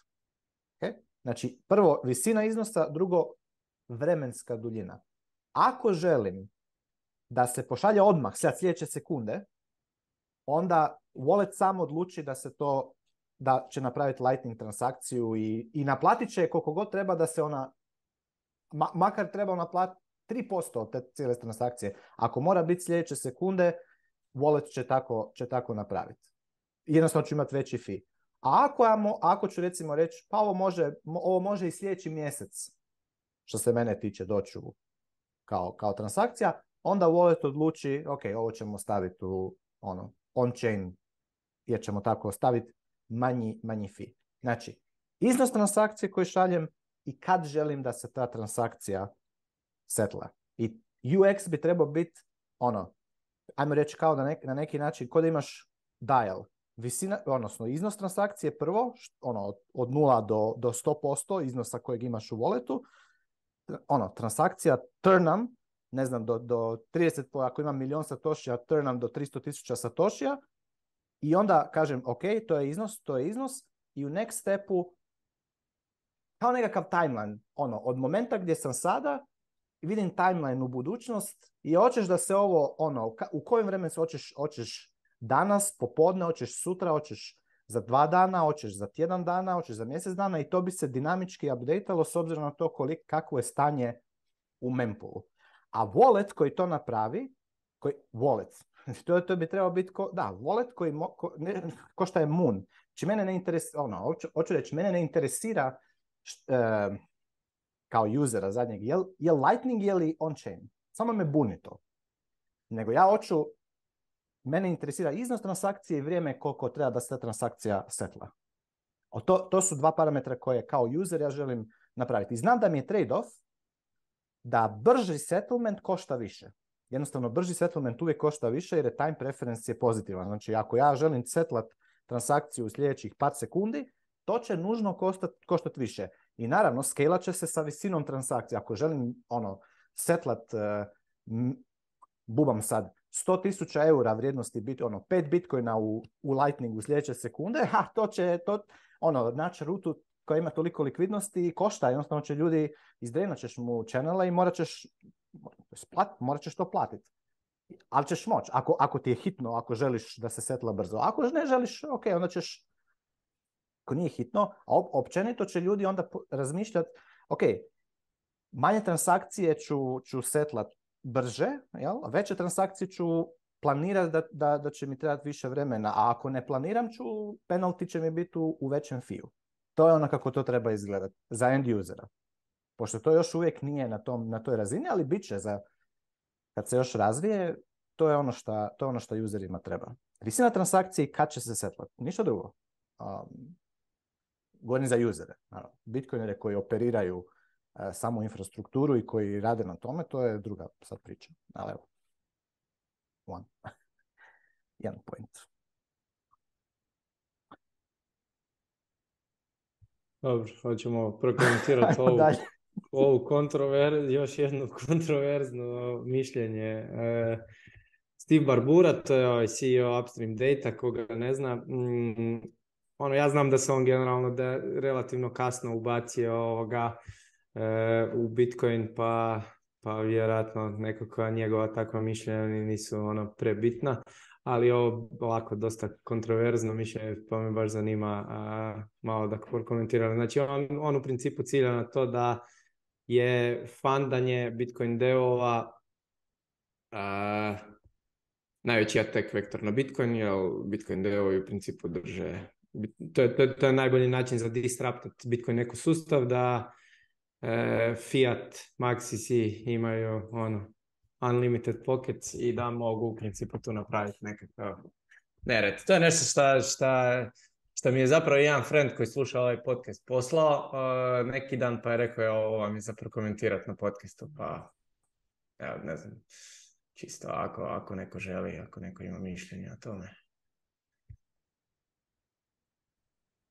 Ja imam mnogo mišljenja o, ovaj samo ću reći da je ovo jedno od dubljih tweetova koje sam u životu video i žao mi je što dolazi od Steve ovaj, baš bih volio da vidim ovaj, kakav je to tak vektor i kako on misli da to kroz funding može da se baš prvo funding Bitcoin. Kako on misli da uopšte neko radi na Bitcoinu, neko kome to kome pos, ko, posvećuje bukvalno ceo dan nekom projektu, šta da treba da radi za džabe da bi ovaj ne bi bilo attack vektora. Da, ovaj, ja sam htio to, pardon, htio sam samo to spojiti, ali to je već bilo na Bitcoin konferenciji. Ono, e, mislim da je on ciljao na, e, e, znaš da je onako, da, da se pričalo u Miami na onoj konferenciji kad je bila o tome da je sve veći trend da su Bitcoin developeri anonimni. Pa, pa možda je ciljao na to ipak, znači da to ne budu ono javne osobe. Ne?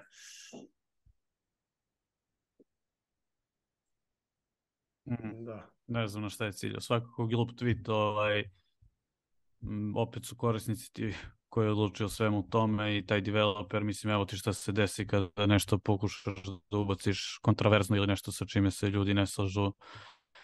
Mislim da postoji mnogo atak i sada ti uvek možeš tu nekom dati pare da se ubaci u Bitcoin Core i to, ali nije to baš Mislim, ja ne razumim. šta on, šta, šta vidi za rešenje, da, da svi ljudi ovi šta, šta rade, da niko ne održava onda kor, da, mislim, stvarno ne razumijem. Šta, šta je alternativa? on predložio ovdje neku alternativu, onda šta?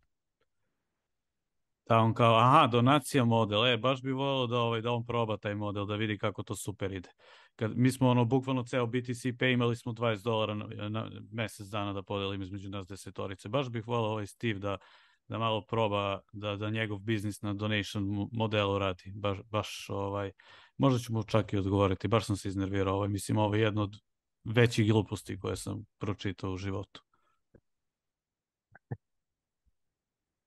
Da. Idemo onda dalje, nećemo više komentirati to. I pa da dođe CIA i da kaže, evo, uh, napravit ćemo jedan grant od recimo 20 milijuna dolara, ali nećemo, of course, neće to CIA bit funded. Ne, CIA te plaća. Nego ono setupaju nekako, nekakav foundation ili nešto. Ili, mislim, oni već i rade sa ovim tim velikim foundationima, recimo imaš ti tije UN, je globalne velike, ono, kao humanitarne. I onda, ono, kao evo dajemo grant 20 milijuna dolara, ono, 100 bitcoina kao za, za Bitcoin developere i sad, a da, ali opet bi se, mislim, pre, ja vjerujem da bi developeri, ova grupa core developera, da bi oni prepoznali da, se, da su nekakvi, ono, da su, da, su došli nekakvi čudni propozali, ne znam šta. Valjda, mislim, ne, ne valjda, nego prilično sam siguran da bi prepoznali, da bi nasnifali kako se zvao onaj Jeff Garzik i oni, oni stari, oni e, developeri koji su ono, zapravo, si, mislim, prilično sigurno bili i ta, Mike Hearn i ta, ekipa, ono, sam njihov e, kod i njihova kvaliteta tih uh, propozela je bila, koliko sam shvatio, relativno ono bullshit.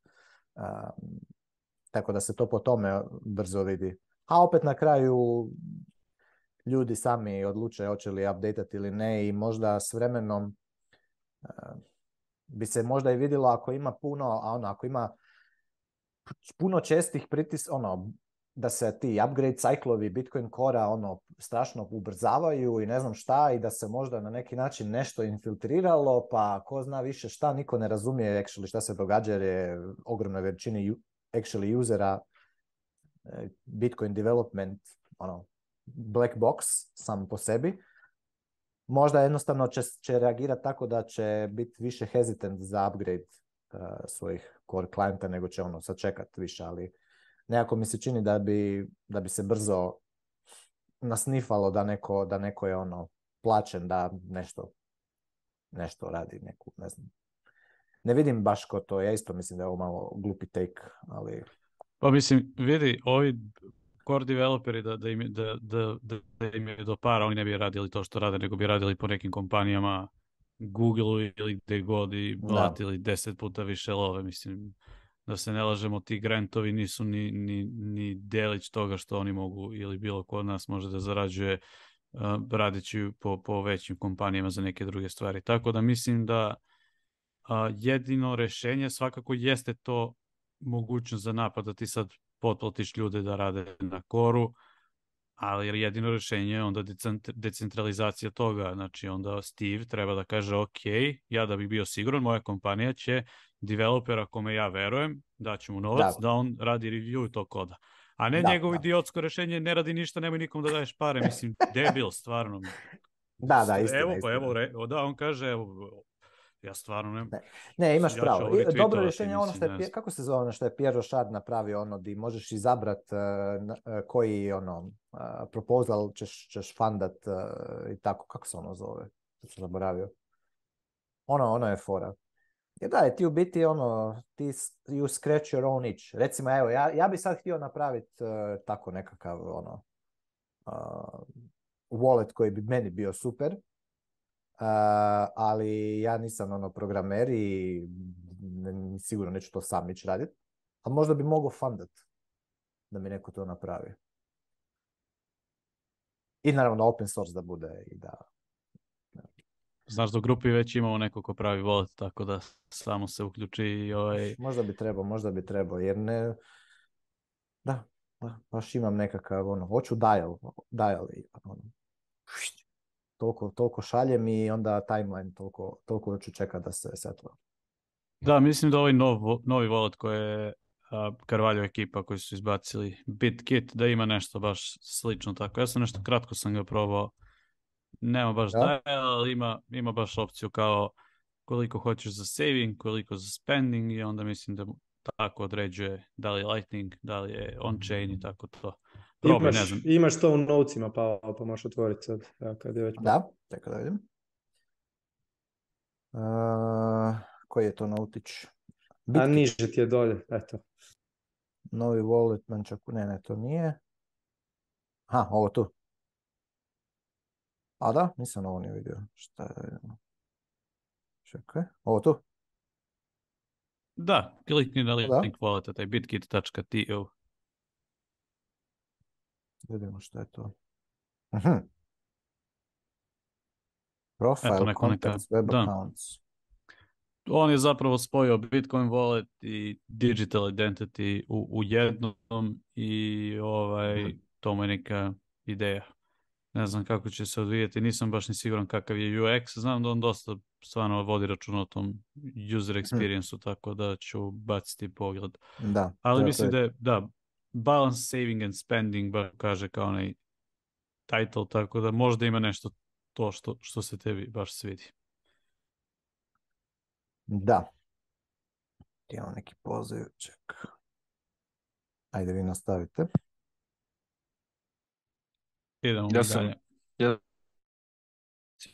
Da nije to baš ono što priča Pavao, ali je baš lijep user experience i Mhm. ono, sviđa, sviđa mi se wallet, ima ono, mogućnosti za razne e, nadogradnje i e, inter, interoperabilnosti, iako meni osobno se ne sviđa to da spojiš digitalni identitet sa, svojim walletom i da se na taj način identificiraš. Iako je to još uvijek u, u onom fazi ja i ne znam točno kako će to u budućnosti izgledati. Ali eh, opet mi se čini da, da, da, da se pokušava previše stvari u jedan proizvod ugurat umjesto da se jedan proizvod napravi onako kako treba. Yep. I meni isto ovako na prvu to malo... slično kao Impervious browser. Pa da, slične nedostatke, ono, iako ne moraš spojiti svoj nod, ali ono, sad ne znam, postoji taj ono, login with lightning i to, ali po meni, evo sad, znači, imaš opciju ko što imaš na Twitteru, ono, svoj profil napraviti, neki bio, i sada da ti je to u svakoj transakciji vidljivo, ono, to, meni se to, ono, taj pristup ne dopada. A dobro, ali ti ne mora to da bude lux, to može da bude 1, 2, 3, 9, 7, 3, 5, 2, mislim, ne, nije ti to vezano za tvoj lični identitet, to može biti bilo koji identitet, ali onda mnogo lakše slati uplat između kontakta, odnosno identiteta, ne između faktura i, i adresa. Tako da je to mnogo, kad ja sad hoću tebi, ja imam tvoj ID, mogu tebi da šaljem, ne mora da te pitam, e, daj mi adresu ili daj mi napravi bot 11 invoice ili šta god, znaš, tako da je Mislim da je to ideja da se transakcije vrše između uh, identiteta, odnosno kontakta, ali ne biti... To je, to je po meni ono više spika za Amer koji su navikli za, na Venmo i onda pošalješ tome tomu lovu i ono, pod, ono, taj neki pristup. Iako, ono, postoje lightning adrese, postoje ne znam, ono, nije problem poslat nekom pare, ono, i svako može staviti na svom telegramu svoje LN URL za donacije, za, za, pri, ono, za plaćanja. Po pa meni je to puno privatniji način.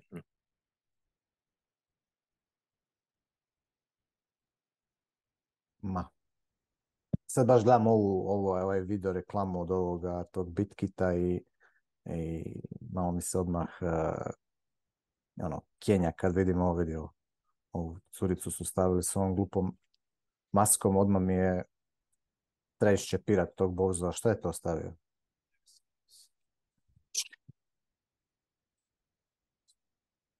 Ajmo dalje, ajmo dalje. Ajmo ovaj drugi volat, kad smo već krenuli za volate. Ovaj Nikica, ti si taj našao. E, mislim da je to, misliš na, aha, ovaj je za afričko tržište, ovaj Mančakura. To je neko bacio ovoga, isto, ne znam Ko je ali šta se nešto... No, a, ovo, tu? Da, da. Znači, ovo navodno ti je... Sa... Ajde, možda Lux bolje. Pa pričali smo o tome prije par podcasta. Ovaj, super stvar za Afrikance. Ne, ono, možeš sa starom Nokijom slati Bitcoin preko SMS poruka. I ono, ima za ljude koji nemaju smartphone, za ljude koji nemaju internet, e, možeš koristiti Bitcoin, ukratko. Rođeno za Afriku i u Africi. Da, idealno. I vidim da im je live tu malo dolje, live u devet država, već super. A šta bi trebalo napraviti da tu bude live tu kod nas? Šta bi trebalo zato ove Hrvatski Telekom A1 i u ekipu i integrirati, ili? Imaju neki chat, developer chat, pa možda možeš tamo da ih pitaš šta je, šta je cilj.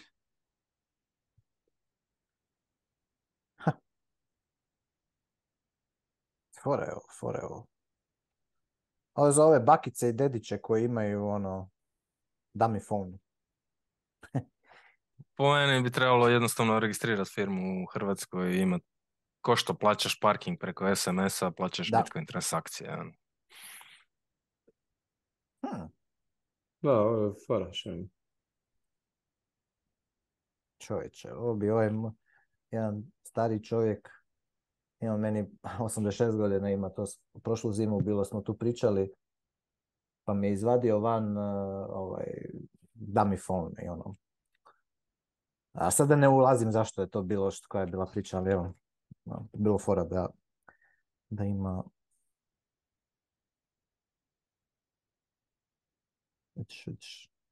Samo ideje padaju, odlično. kura u Hrvatskoj. Dobro, šta imamo dalje? Majko, pa mi smo stavili ovih notova, čekaj. Stavili smo puno notova, da. Imamo ovo Blixt, e, ne znam, hoćemo to još prokomentirati kad smo kod tih stvari. To ti je iznad dodje, iznad ovog manigrama Je. E, to sam ja stavio. Dobro. Pa izašao je novi release Blixt Walleta 0.6.0 gdje je e,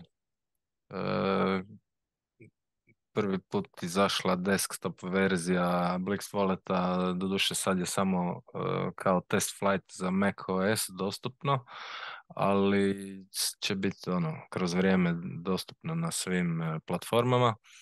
Meni je to, ja sam to stavio jer mi je ono full drag taj wallet i u principu jedan jedini developer je e, razvija, to je ovaj Hampus iz Švedske gdje e, on ono, doslovno da otkaz u svom fiat jobu i posvetio se tome, stavlja svoje osobne bitcoine na raspolaganje za dunder transakcije i, i u principu sam to developa, tako da ono, development je dosta ograničen brzinom, ali svejedno ovaj, ovaj release ako otvoriš ono, na, GitHub, na GitHubu di se, se vidi, mislim da je dole negdje to. Znači brdo stvari je eh, ubačeno koja userima ono ne mora biti zanimljive, ali ali razvija se, mislim da će, da je ovako, ko ima bazične, bazično znanje o tome kako Bitcoinu funkcionira, e, ne mora biti neki ekstra super shadowy koder, e, je vrlo moćan wallet i, i, po meni je onako kako bi Bitcoin experience treba izgledati i, i di ima user totalnu kontrolu nad, nad, nad time, nad time kako ono, e, koristi Bitcoin. I ono, to je to. Ovaj, s obzirom da to developa samo jedan ono, developer e, je super stvar e, i, i, sve, sve naj, naj ono, funkcije koje ti Bitcoin pruža su praktički već implementirane. Znam da se, Pavle to sigurno zna, da je Bitcoin design community angažiran oko tog voleta i da se poboljša taj user experience koliko se može i ono, da se unapređuje. I već sam rekao, mislim da će biti jedan od u budućnosti jedan od ono, referentnih voleta praktički imaš e, Lightning node u svom džepu, otvaraš kanale sa kim, go, kim hoćeš, treba jedino što ono od juzera se očekuje da obrati pozornost na, na, na, na likvidnost, koliko imaš inbanda, inbanda, outbanda, znači to je totalno u tvoje kontroli. I ono, ne znam, meni je omiljeni volet i sretan sam za, da napreduje dalje. Ono.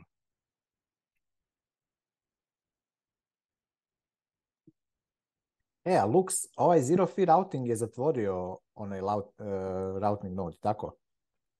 Tako je, da. Šta se to desilo?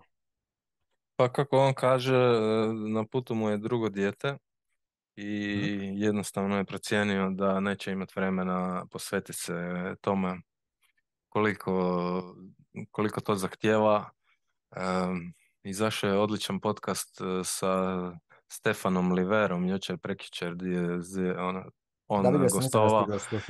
I preporučam ga svima, kogod misli se baviti routingom i, i ranjenjem noda, da ga posluša, da vidi da malo dobije sliku kako je ono, šta je potrebno i na šta treba obraćati pozornost i da to nije baš ono, trivialna stvar i da je to više posao za profesionalce i, i da ono, treba se ozbiljno posvetiti tome jer ono, ima puno atak vektora, treba biti reliable i, i, i sve. I on kaže da ono, volio bi se vratiti kroz godinu dvije kako mu se schedule oslobađa da će se vjerojatno vratiti tome jer mu je to ono strast i voli to raditi i,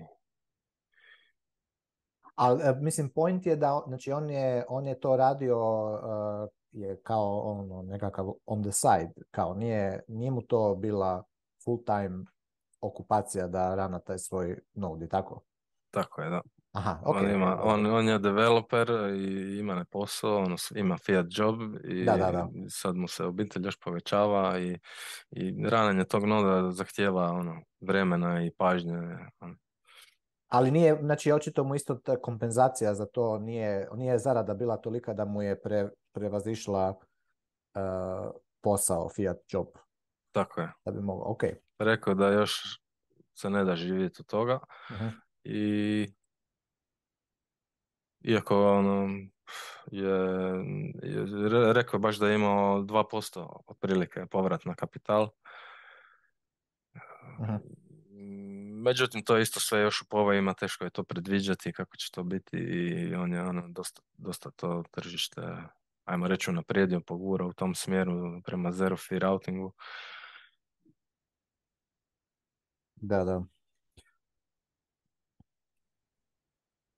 Tako da, ok, on je isto, s druge strane, dobra stvar jer mm, opet se tjera nekakva decentralizacija i ono, širenja. Znači, puno ljudi je vidjelo taj njegov biznis model i već implementira. Ima sve više velikih, dobro povezanih nodova sa zero fee routingom i na kraju krajeva to je sve plus za sve nas.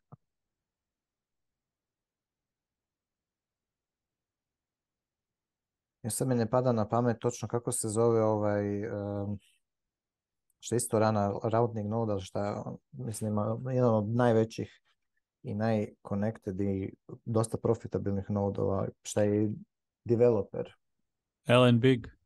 Mm. Karsten Otto. Ne, ne, ne, ne, čekaj, čekaj, sad baš Alex Bosworth. Alex Ali Alex Bosworth ima, on uh, charger routing fees. Da, on je napravio par tih aplikacija za, za, za za upravljanje nodom, mislim, da, mislim da je onaj Balance of Satoshis ili tako nešto. Imam ga na Telegramu negdje. Da, da, da. Ehm, da, mislim, realno, realno ne treba bježati od toga da, da, da se ono, da jack upaš te, te, te fijeve koje čađaš Jer ako tebi tržište želi, ako imaš demand, ako imaš potrebu, ono, ti, ti, ti, ti to je, to je servis. Ti, eh, ti moraš naplatiti eh, to. Jer ako Sjećam se kad sam slušao te Lightning jer me Seyfedin je pitao kao da bi on probao to kao routing i to raditi, pa kao da neka vidim malo šta se tu.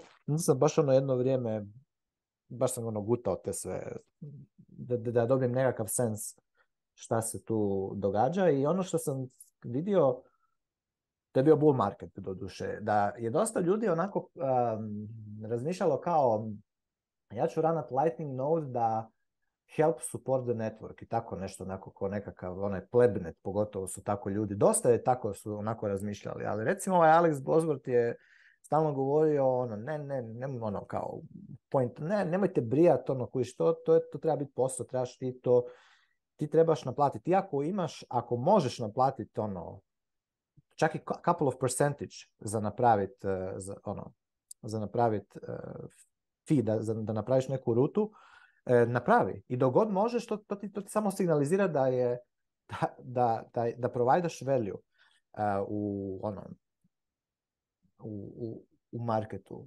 Da, tako da ono definitivno će se razvijati taj lightning, uh, lightning routing i općenito rananje lightning infrastrukture kao nešto što je specijalizirano za profesionalce, mi se čini da nije to ono da će to svaki average Joe doma Ranat sad routing node i to sve skupa, nego to treba raditi. To je ono market value kojega se treba i može naplatiti jer ti moraš i grova tu svoju infrastrukturu rananja tog svog noda.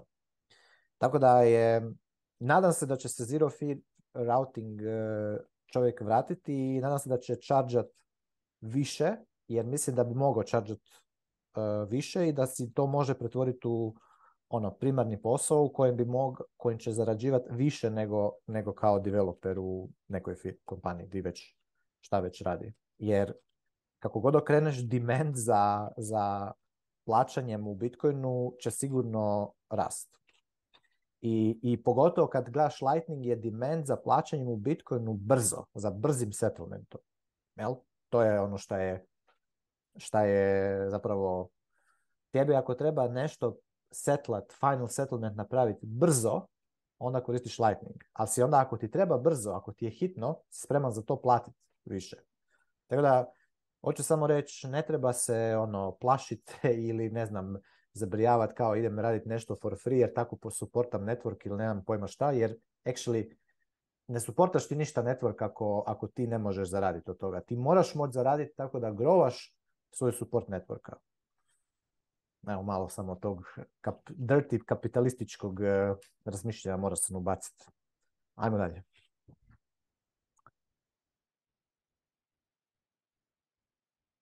E, šta ja znam, sad nam je, dosta smo ovako malo preskakali, iako stvarno smo imali puno vijesti, sad su ove. Ajde, kad smo zapravo pričali sad o tome koliko je, koliko je rautanje, kad je Luk spomenuo i, i, taj biznis zapravo težak, e, onda da se bacimo na, na ovaj Bitcoin mining koji je također težak biznis i ono što sam ja najavio da je malo čudno E, da, da, da smo imali zapravo ovako težak recimo bear marketa da nitko od minera nije kapitulirao. Evo sad, sad nam dolaze ovoga vijesti da su, da su dva Bitcoin minera u velikim problemima, ovo ovaj je Argo i Iris Energy. E, I onda ti ovaj tweet, nakon toga imaš tu tri linka, zapravo ove brojke od Dylan Leclerca koje ono zapravo pokazuju ono kretanja tih, evo znači ovi su close to default, ne, e, to je relativno stara vijest, mislim nekoliko dana stara vijest, tako da možda se to već i u međuvremenu dogodilo. Argo slično tako i, i ovoga... Znači, to su, to, su, to su manje više ove publicly traded Bitcoin firme u Sjevernoj Americi koje su eh, ušle u biznis tokom 2021.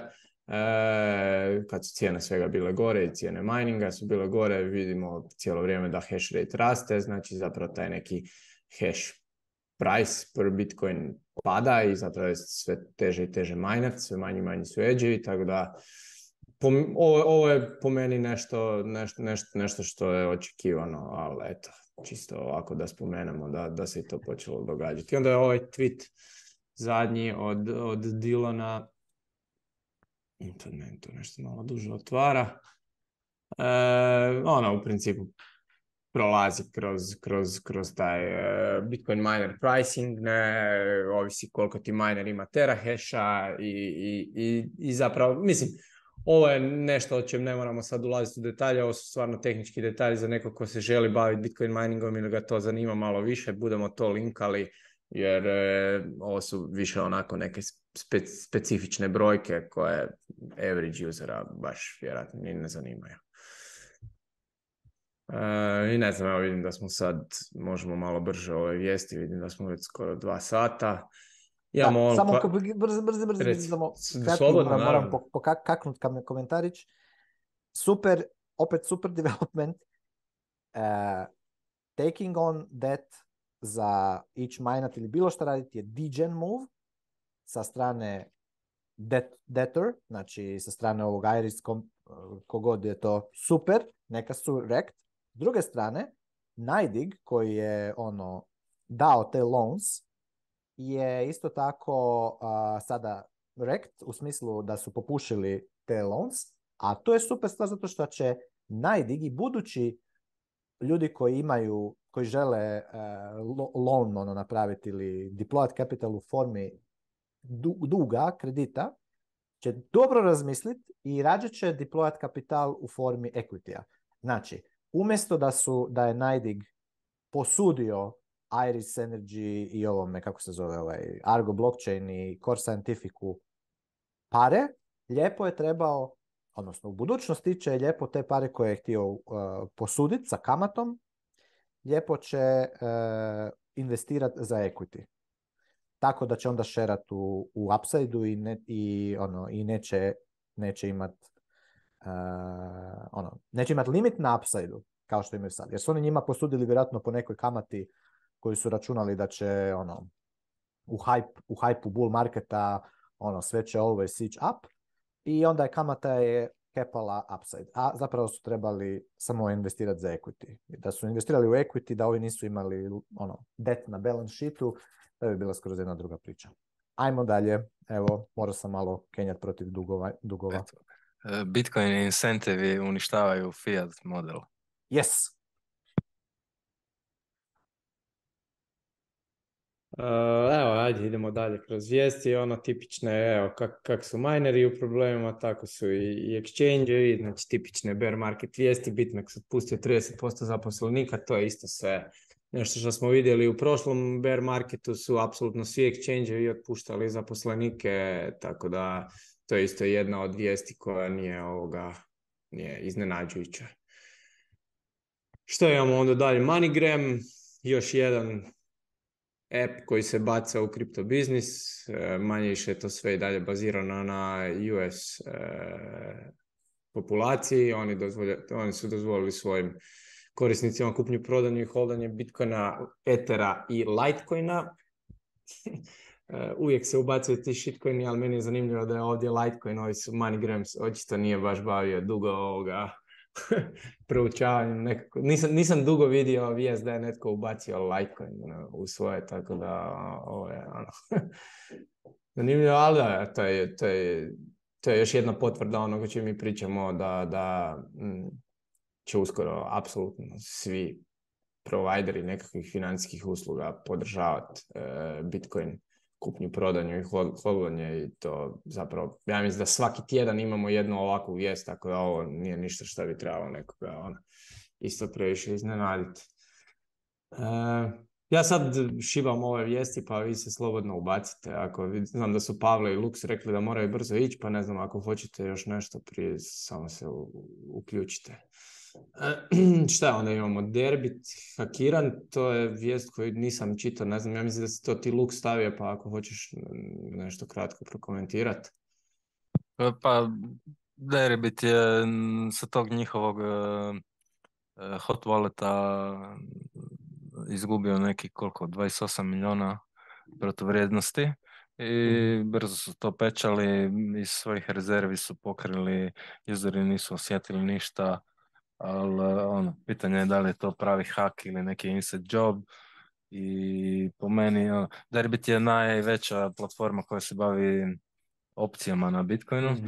i ja bi samo jednu laganu kritiku njima, ono, trebali su se po meni više posvetiti razvoju tog option marketa umjesto da, da počnu e, inkorporirati e, shitcoin na, na svoju platformu. Ono. I tako, ono, možda im tako treba. da. Dobro. Mm, dobro, tu smo već pravili. Onda ništa, imamo sad malo ovako. Kostarika, e, sljedeća država sa Bitcoinom kao legal tenderom to se već neko vrijeme ono, priča o tome, znam da isto to spominjamo po podcastima, ono u Latinskoj Ameriki, u Americi Bitcoin ekonomija buja, tako da manje više te države, Paragvaj, Uruguay, Brazil, nakon El Salvadora se sve spominju kao sljedeća, pa sad evo je na, na, na red došla i Kostarika, oni su nešto regulirali. E, taj svoj cryptocurrency market, mislim manje više to su sve ovako ono, e, vijesti obrane ide sa strane, do, do, do, ono, dosta toga je možda nekako iskrivljeno ili, ili unaprijed ono napisano da će oni to adoptirati, dok, to ne naprave ovoga, e, to definitivno nije istina, ali ovdje vidimo da, da u principu makar razmišljaju o tome, tako nešto. Mm, onda imamo na drugom kraju svijeta e, Hong Kong, E, to sam spomenuo, iako smo sad već ovoga dosta pričali, pa vjerojatno nećemo moći spojiti. Ja sam samo tu htio e, na, na, nadovezati se na ovu vijest gdje je Hong Kong ponovno legalizirao Bitcoin trading. E, Arthur Hayes blog smo već nahvalili u ovom podcastu dosta, dosta puta. Arthur Hayes je imao prije pet dana novi blog post, e, comeback se zove, ja stiga linko tu, ja mislim, u, u odmah ispod, ispod tog Hong Kong vijesti. Mhm. E, I, I dosta je zanimljiv zato što e, se tiče te malo ono geopolitike koja je ono, onda isprepletena sa Bitcoinom i zapravo odnos te Hong Konga i Kine i kako je zapravo Singapur nekakva baza zapada na, na, na tom istočnom dijelu svijeta E, i da je Hong Kong e, kao Kinin odgovor na to jer su oni ipak ono komunistička država u kojoj znamo kako stvari funkcioniraju, a žele na neki način biti bit e, veći igrač na svjetskom tržištu, pa generalno kroz Hong Kong to rade i Arturova cijela teza je bila da će toga biti sve više i, i, i članak je odličan, kog zanima nek, ga pročita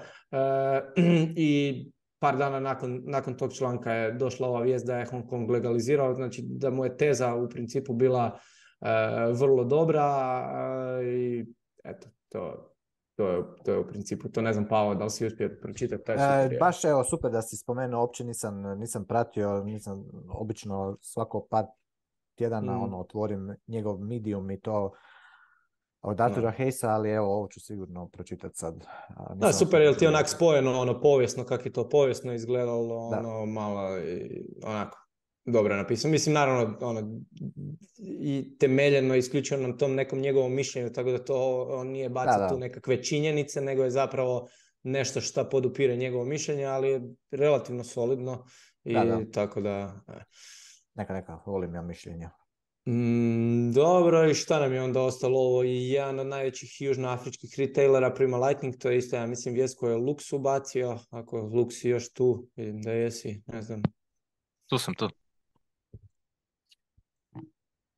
E, da, to je nešto u južnoj.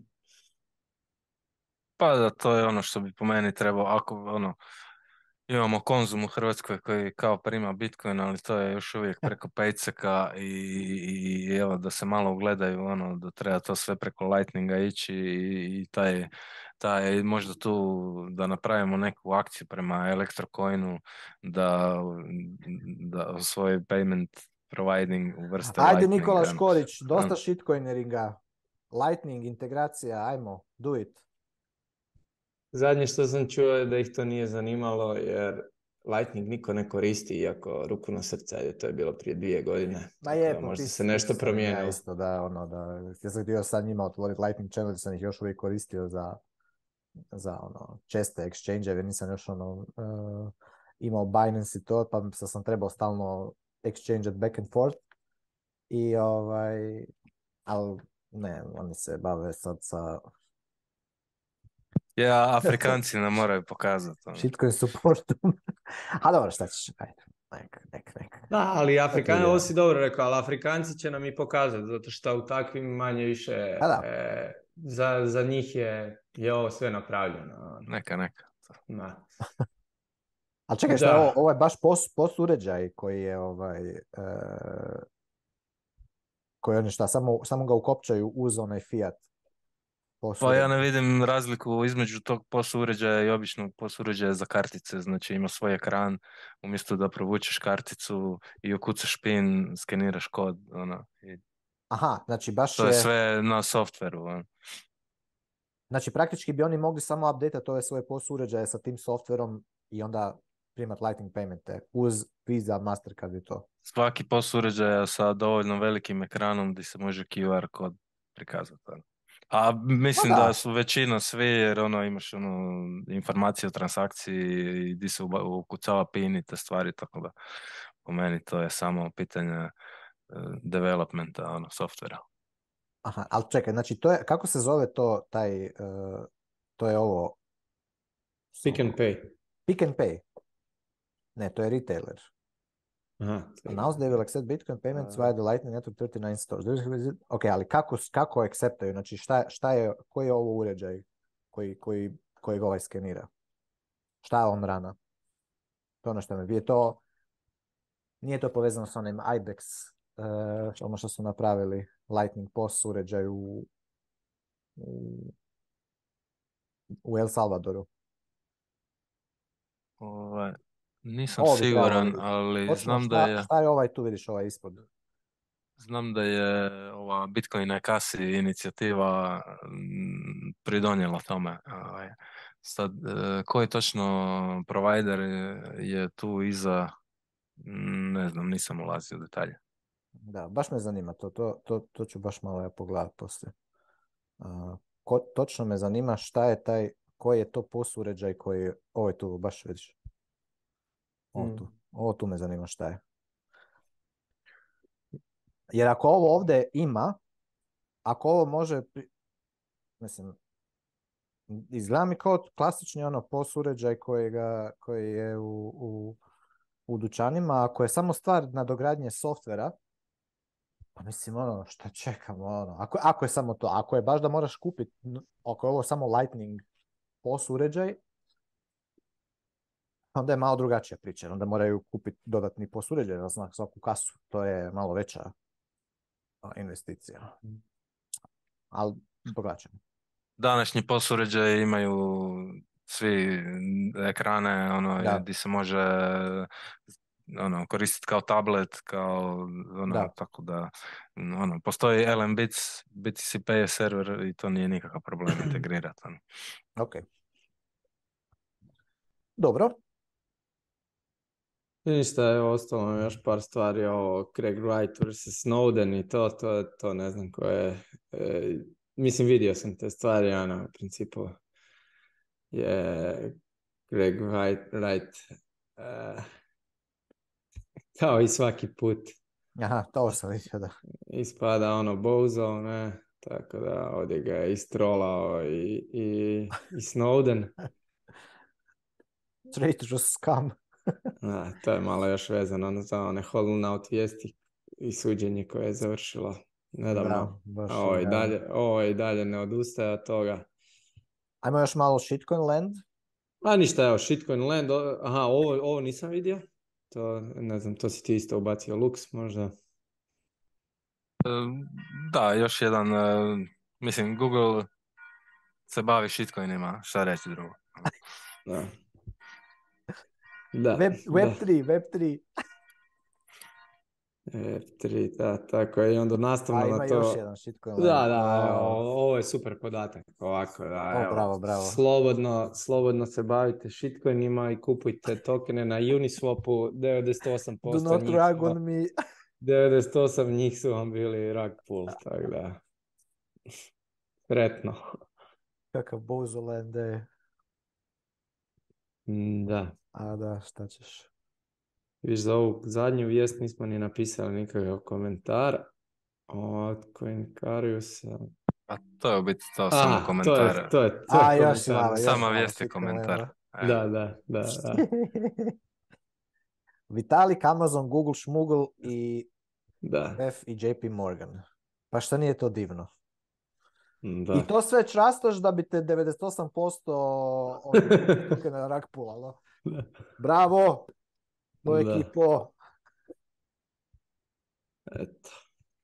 I onda još najsmješnije, i kad dobije, kad je neki pump koji je ono delta nešto veći pump u, u bull marketu nego što je Bitcoin pump, i opet ta ekipa umjesto da sela taj pump i da, da ono da da krua neki ono take away chips from the table, oni još samo double downaju još ono odu u neki leverage.